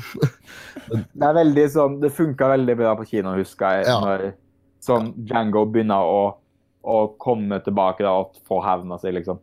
Ja, og det er liksom det, det, si med musikken òg, det, det, må liksom nytes i det fulle ja. Med et ordentlig anlegg og Jeg vet ikke, den er ganske grandios, den filmen. Jeg liker den veldig godt. Men jeg har sett den klarer å mikse veldig mange sjangere veldig bra. At den kan ha en uh, Rick Ross-sang og veldig mye Ennio Morricone. er det ikke Tupac? Jo, det er Rick Ross og Tupac. Ja, og John Legend. Og man klarer på en måte å få, få til veldig mye forskjellig, da. Ja. Det er eh, okay. De hatefulle åtte, vel? Okay, eh, og så klarer jeg ikke halve to minutter, men jeg bare setter på uansett. OK, ja. kjør. Hateful Eight så jeg var den første Tarantino-filmen jeg så på kino. Det var sikkert alle, kanskje, sin. Eh, nei, du sa Django. Eh, og jeg så den i 70 mm på Cinemateket i Oslo. Det var første gang jeg var på Cinemateket i Oslo, og jeg må jo si at det var en rimelig kul opplevelse. Eh, og jeg koste meg kjempemasse. Jeg var utrolig hyped, og jeg må si at det er en av de beste utenom Inglorious Bastards, så er det en av de beste åpningsscenene til Tarantino. Uh, fordi musikken fanga meg så jævlig med en gang. Så musikken, sykt bra. Atmosfære, kjempebra. Uh, men jeg syns på en måte at den, som du sa, da, den blir veldig sånn lik eh, Nei, Reservoir Dogs, men den er på en måte Den er veldig kul. Var vel det var vel Reservoir Dogs og det Thingen sa var på en måte de filmene den tok mest av. Ja, og det er Men det som Hva skal jeg si, ja? Eh, jeg, jeg, sliter litt med å forklare mitt forhold til filmen, men den er Jeg syns den er rimelig kul, ja. Og så er det noen ting i filmen som er litt kjedelig, men eh, alt i alt ganske spennende og bra dialog som vanlig. Hans? Um, jeg har ikke sett den siden den gikk på kino. Jeg husker at uh, jeg syns den var bra, og sånn, men jeg, jeg, dro aldri og så den igjen. Jeg, jeg tror av alle Tarantino Jeg syns, den er veldig uinteressant. Det er, det er, mye Alt som skjer inni hytta der, og alt liksom, den der eh, tensionet og alt det der, funker så jævlig bra. Men uh, det greiene med Channing Tatum og sånn, det tror jeg ødela filmen for meg. Ganske kraftig. Um, jeg, jeg, tror det er et tilfelle som jeg hadde Som jeg har hatt nå jeg så Reservoir Dogs igjen, da, er at du får ting forklart for mye. Mm. Uh, for jeg, jeg, trengte jo ikke å vite hva som hadde skjedd der. på en måte. Jeg, kunne, jeg kan se på Det var det som var interessant med starten, for jeg kan jo se på, på bildet da, og så prøve å pusle sammen hva som har skjedd. Jeg trenger ikke Hvem er det her? Det er uh, Amund som var på timer. Ja. Han prøver å være litt streng. OK. Uh... Men overall en ganske, en ganske bra film. Men jeg, den, jeg liker ikke den Channing Jeg tror ikke, jeg liker ikke Tarantino-action i den filmen. Jeg syns ikke den kler det. Uh, den kler mer en sånn stille, rolig tension. Sånn. Enig i det. Uh, ja, jeg husker når, når, den kom ut, så så jeg at den skulle gå i 70 mm på Cinemateket også. Så vi den samtidig? Uh, det vet jeg ikke. Tenk hvis vi gjorde det! Det var så Det kan godt hende. Men uh, det var så lang venteliste, det var så mye utsolgt på den filmen, at jeg kunne ikke vente med å se den til den kom på Cinemateket, liksom. Så jeg så den først på vanlig kino, og da husker jeg at jeg likte den veldig godt. Uh, og så skulle jeg se den i 70 millimeter, og så merket jeg sånn et godt stykke inn i filmen at jeg begynte å bli litt trøtt. Nei. Og så tenkte jeg at jeg, jeg, har jo sett den før, da, så jeg kan jo like gjerne bare ta meg en liten lur, egentlig. Ja. Så, da er det ikke så spennende. Det, ja, uh, men uh, jeg, jeg, har lyst til den igjen, da, for uh, Walton Goggins er med den. Og jeg er ganske stor Walton Goggins-fan. Og Channing Tatum-fan, er du ikke det? jo da. Ja, Kjekk han. Jeg tror du han, Hvem tror du har størst kjønnsorgan av han og de to andre vi diskuterte tidligere? jeg tror fortsatt Bruce Willis har størst. Ja, jeg tror ikke Channing Tatum har så stor pikk. Dessverre. han er full av steroider. Nei, ikke nødvendigvis, men jeg tror bare han ikke er så heldig med akkurat den. Ja, ja. Men, eh, men eh, er vi ferdige, da, eller? Ja, eller Amund må komme med sitt, da. Amund muta seg sjæl. Er det mulig? Vi liker å høre mer. Det er jo helt kri- Da avslutter jeg podden, Amund. Jeg avslutter podden, Amund. Jeg avslutter podden, Amund. Jeg prøver liksom å lokke Amund. Nå muta alle seg bortsett fra meg. Betyr det at Nei, da har vi vel aldri Jeg er gjort. tilbake. Kjapt om helt slett Ja. Det er, det er de, samme hva eksamen. Er du enig? Han hører ikke etter når vi prater, det er bare når han Nei, prater. jeg, jeg, måtte, jeg, måtte, jeg måtte Jeg var away from keyboard litt. Forresten, Forresten, uh, når vi spiller inn denne episoden, hvor er vi da? Vi er Det er det samme det nå. Skal jeg ta den vitsen neste episode? Nå vi blir ferdig. Ok, greit. greit. Okay, Jeg, jeg tar hintet. Helt eh, Hateful Eight, en veldig interessant film. Tarantino har mye å si, og jeg synes uh, eh, noe funker og noen ting ikke. Men overall så liker jeg, er, er det en av de jeg liker best. Eh, jeg synes en har mye den har mye, mye, mye ting som på en måte er veldig interessante, som jeg tror kommer til å gjøre at filmen kommer til å ha en veldig god og lang levetid. Uh, sliter litt med pacinga, akkurat som Django. Litt, kanskje litt for lang, men uh, og veldig bra regissert. Uh, den er veldig god til å på, en måte få hytta og på en måte heller ikke finne en ny måte å filme hytta på og få att til å være interessant. Veldig bra spenningsoppbygging og bla, bla, bla. Bra performances og alt sammen. Uh, mye sånn uh, kontroversielle greier i filmen uh, som kan diskuteres en annen gang, men uh, der kan en jo òg ha en diskusjon om det, om det er ting i filmen som burde være der, eller om en gikk litt for langt, eller hva. Bra, bra, bra. Bra film. Ja. Ole, har du en siste regissør å komme med før jeg avslutter? Eh, ja, jeg har spart den beste til slutt, da. David Fincher. Ja. Nice. Men før vi avslutter, Ja. God ting. Uh, kan jeg heller bare komme med sånn en kjapp jeg, hvis, noen, hvis dere vil, vil, vil det komme med en kjapp ranking av Tarantino, og trenger ikke å kommentere på det eller, eller forklare eller noen ting. Hvis bare være sånn generell, kjapp, uh, røff ranking, og som sikkert ikke blir det samme hvis dere har gitt det litt mer tanke i, da. Men uh. La oss gjøre det. Jeg kan begynne. ja, go. Uh, Pulp Fiction. Reservoir Går du Dogs. går du fra N til Ja, nå går jeg fra best til dårligst. Ja, OK. Da gjør oss andre det òg. Pulp Fiction. Uh, Reservoir Dogs. Uh, Death Proof. Jackie Brown. Nei, nå er jeg i feil rekkefølge. Jeg beklager. Uh, nå tenkte jeg feil. Uh, faen, jeg må starte på nytt. Pulp Fiction. Uh, Reservoir Dogs. Inglorious Bastards. Eh, Death Proof. Jackie Brown. uh, The Hateful Eight. uh, Django og Kill Bill volum 1 og 2. Ole. Nå vil, nå vil jeg bare presisere at jeg liker egentlig alle filmene hans, da. Ja, ja, alle, at, alle gjør jo det. Jeg, jeg måtte være en liten haterboy, så det ble litt uh, Ja. Alle Ja, gjør det. Alle elsker Jeg det. synes, jeg synes Django Unchained er sånn i hvert fall en åtte av ti, liksom. Så det her, det her er ikke det er ikke, det er ikke noe søppel blant denne filmografien.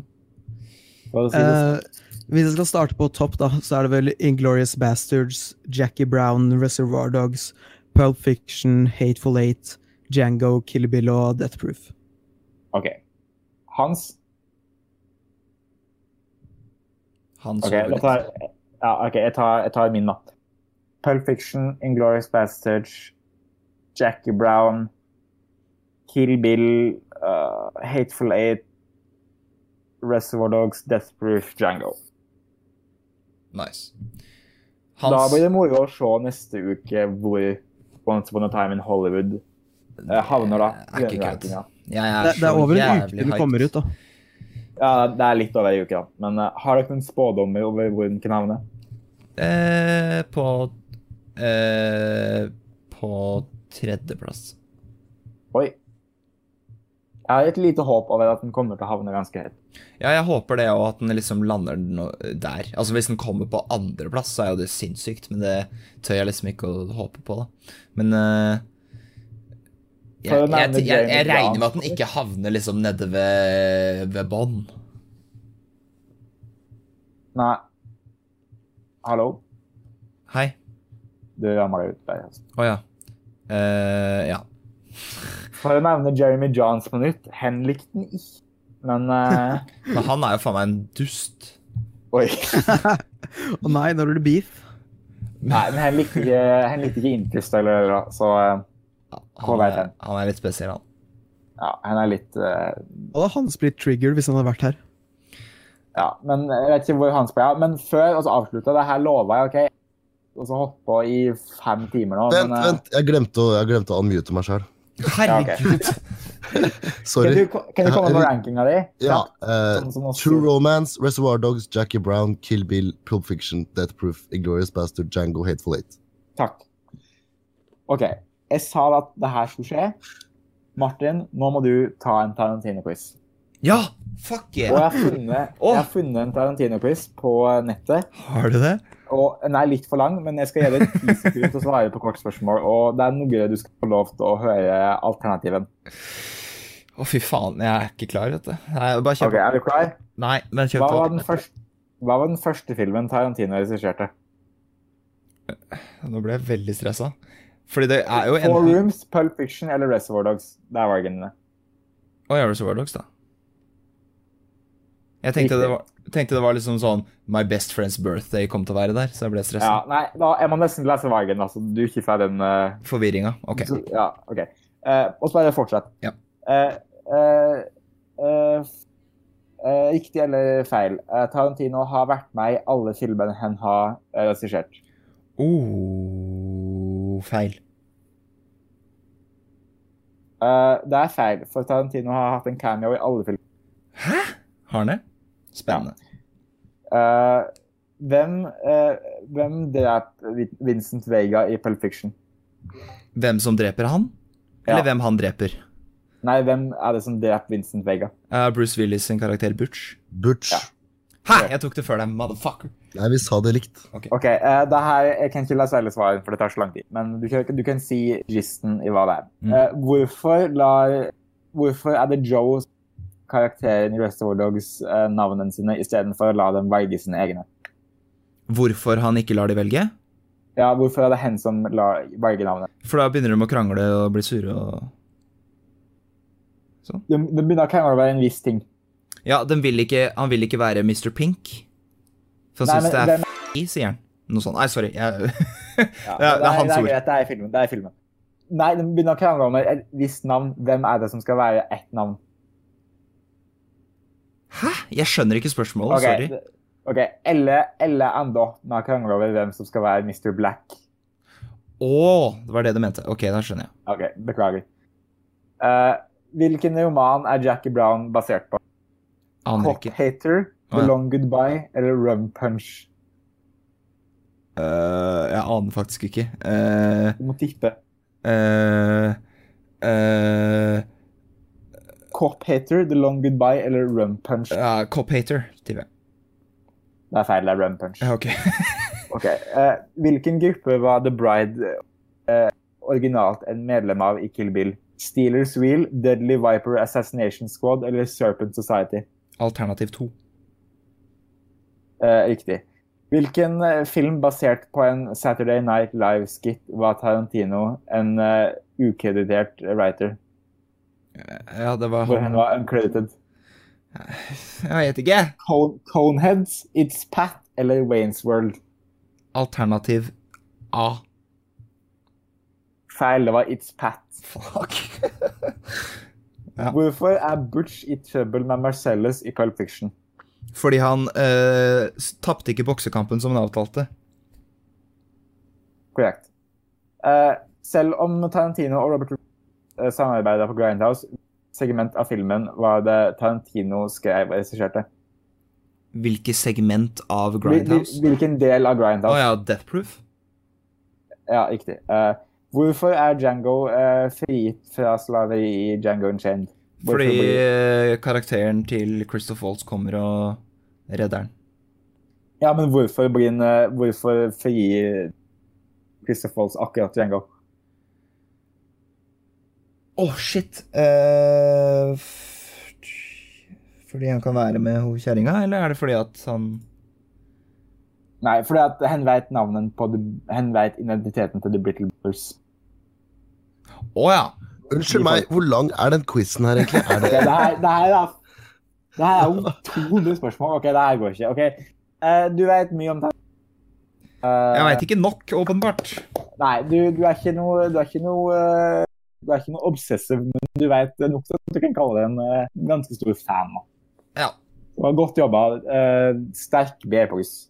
Oi, såpass. Jeg trodde det skulle være noe sånn C minus eller noe sånt. Men ok, okay. greit. Ola logga av, så nå må vi uh, Han er drittlei, for å si det sånn. Men jeg håper ikke du ble like lei. Jeg håper du hørte gjennom hele eh, til slutt. Hvis du gjorde det, så tusen hjertelig takk for det. Vi fins jo både på Apple Podcast, iTunes, Podbean og Spotify, så velg en av de, og gjerne rate oss. Eh, og kom med din kommentar på hva vi kan gjøre bedre, eller hva du likte. Eh, og så ses vi Vi ses ikke, men vi lyttes igjen eh, neste uke, da vi skal snakke om Once Upon a Time in Hollywood. Det kommer da mest sannsynlig til helga neste uke, så det blir ikke midt i uka, sånn som den her. Så, og, eh, og Hereditary Midsommer-pod imellom, da. For, ja, det blir det jaggu meg. Eh, da kommer den før det, som blir midt i uka, antageligvis. da. Eh, så da får dere det likevel. Da blir to episoder neste uke. Adjø.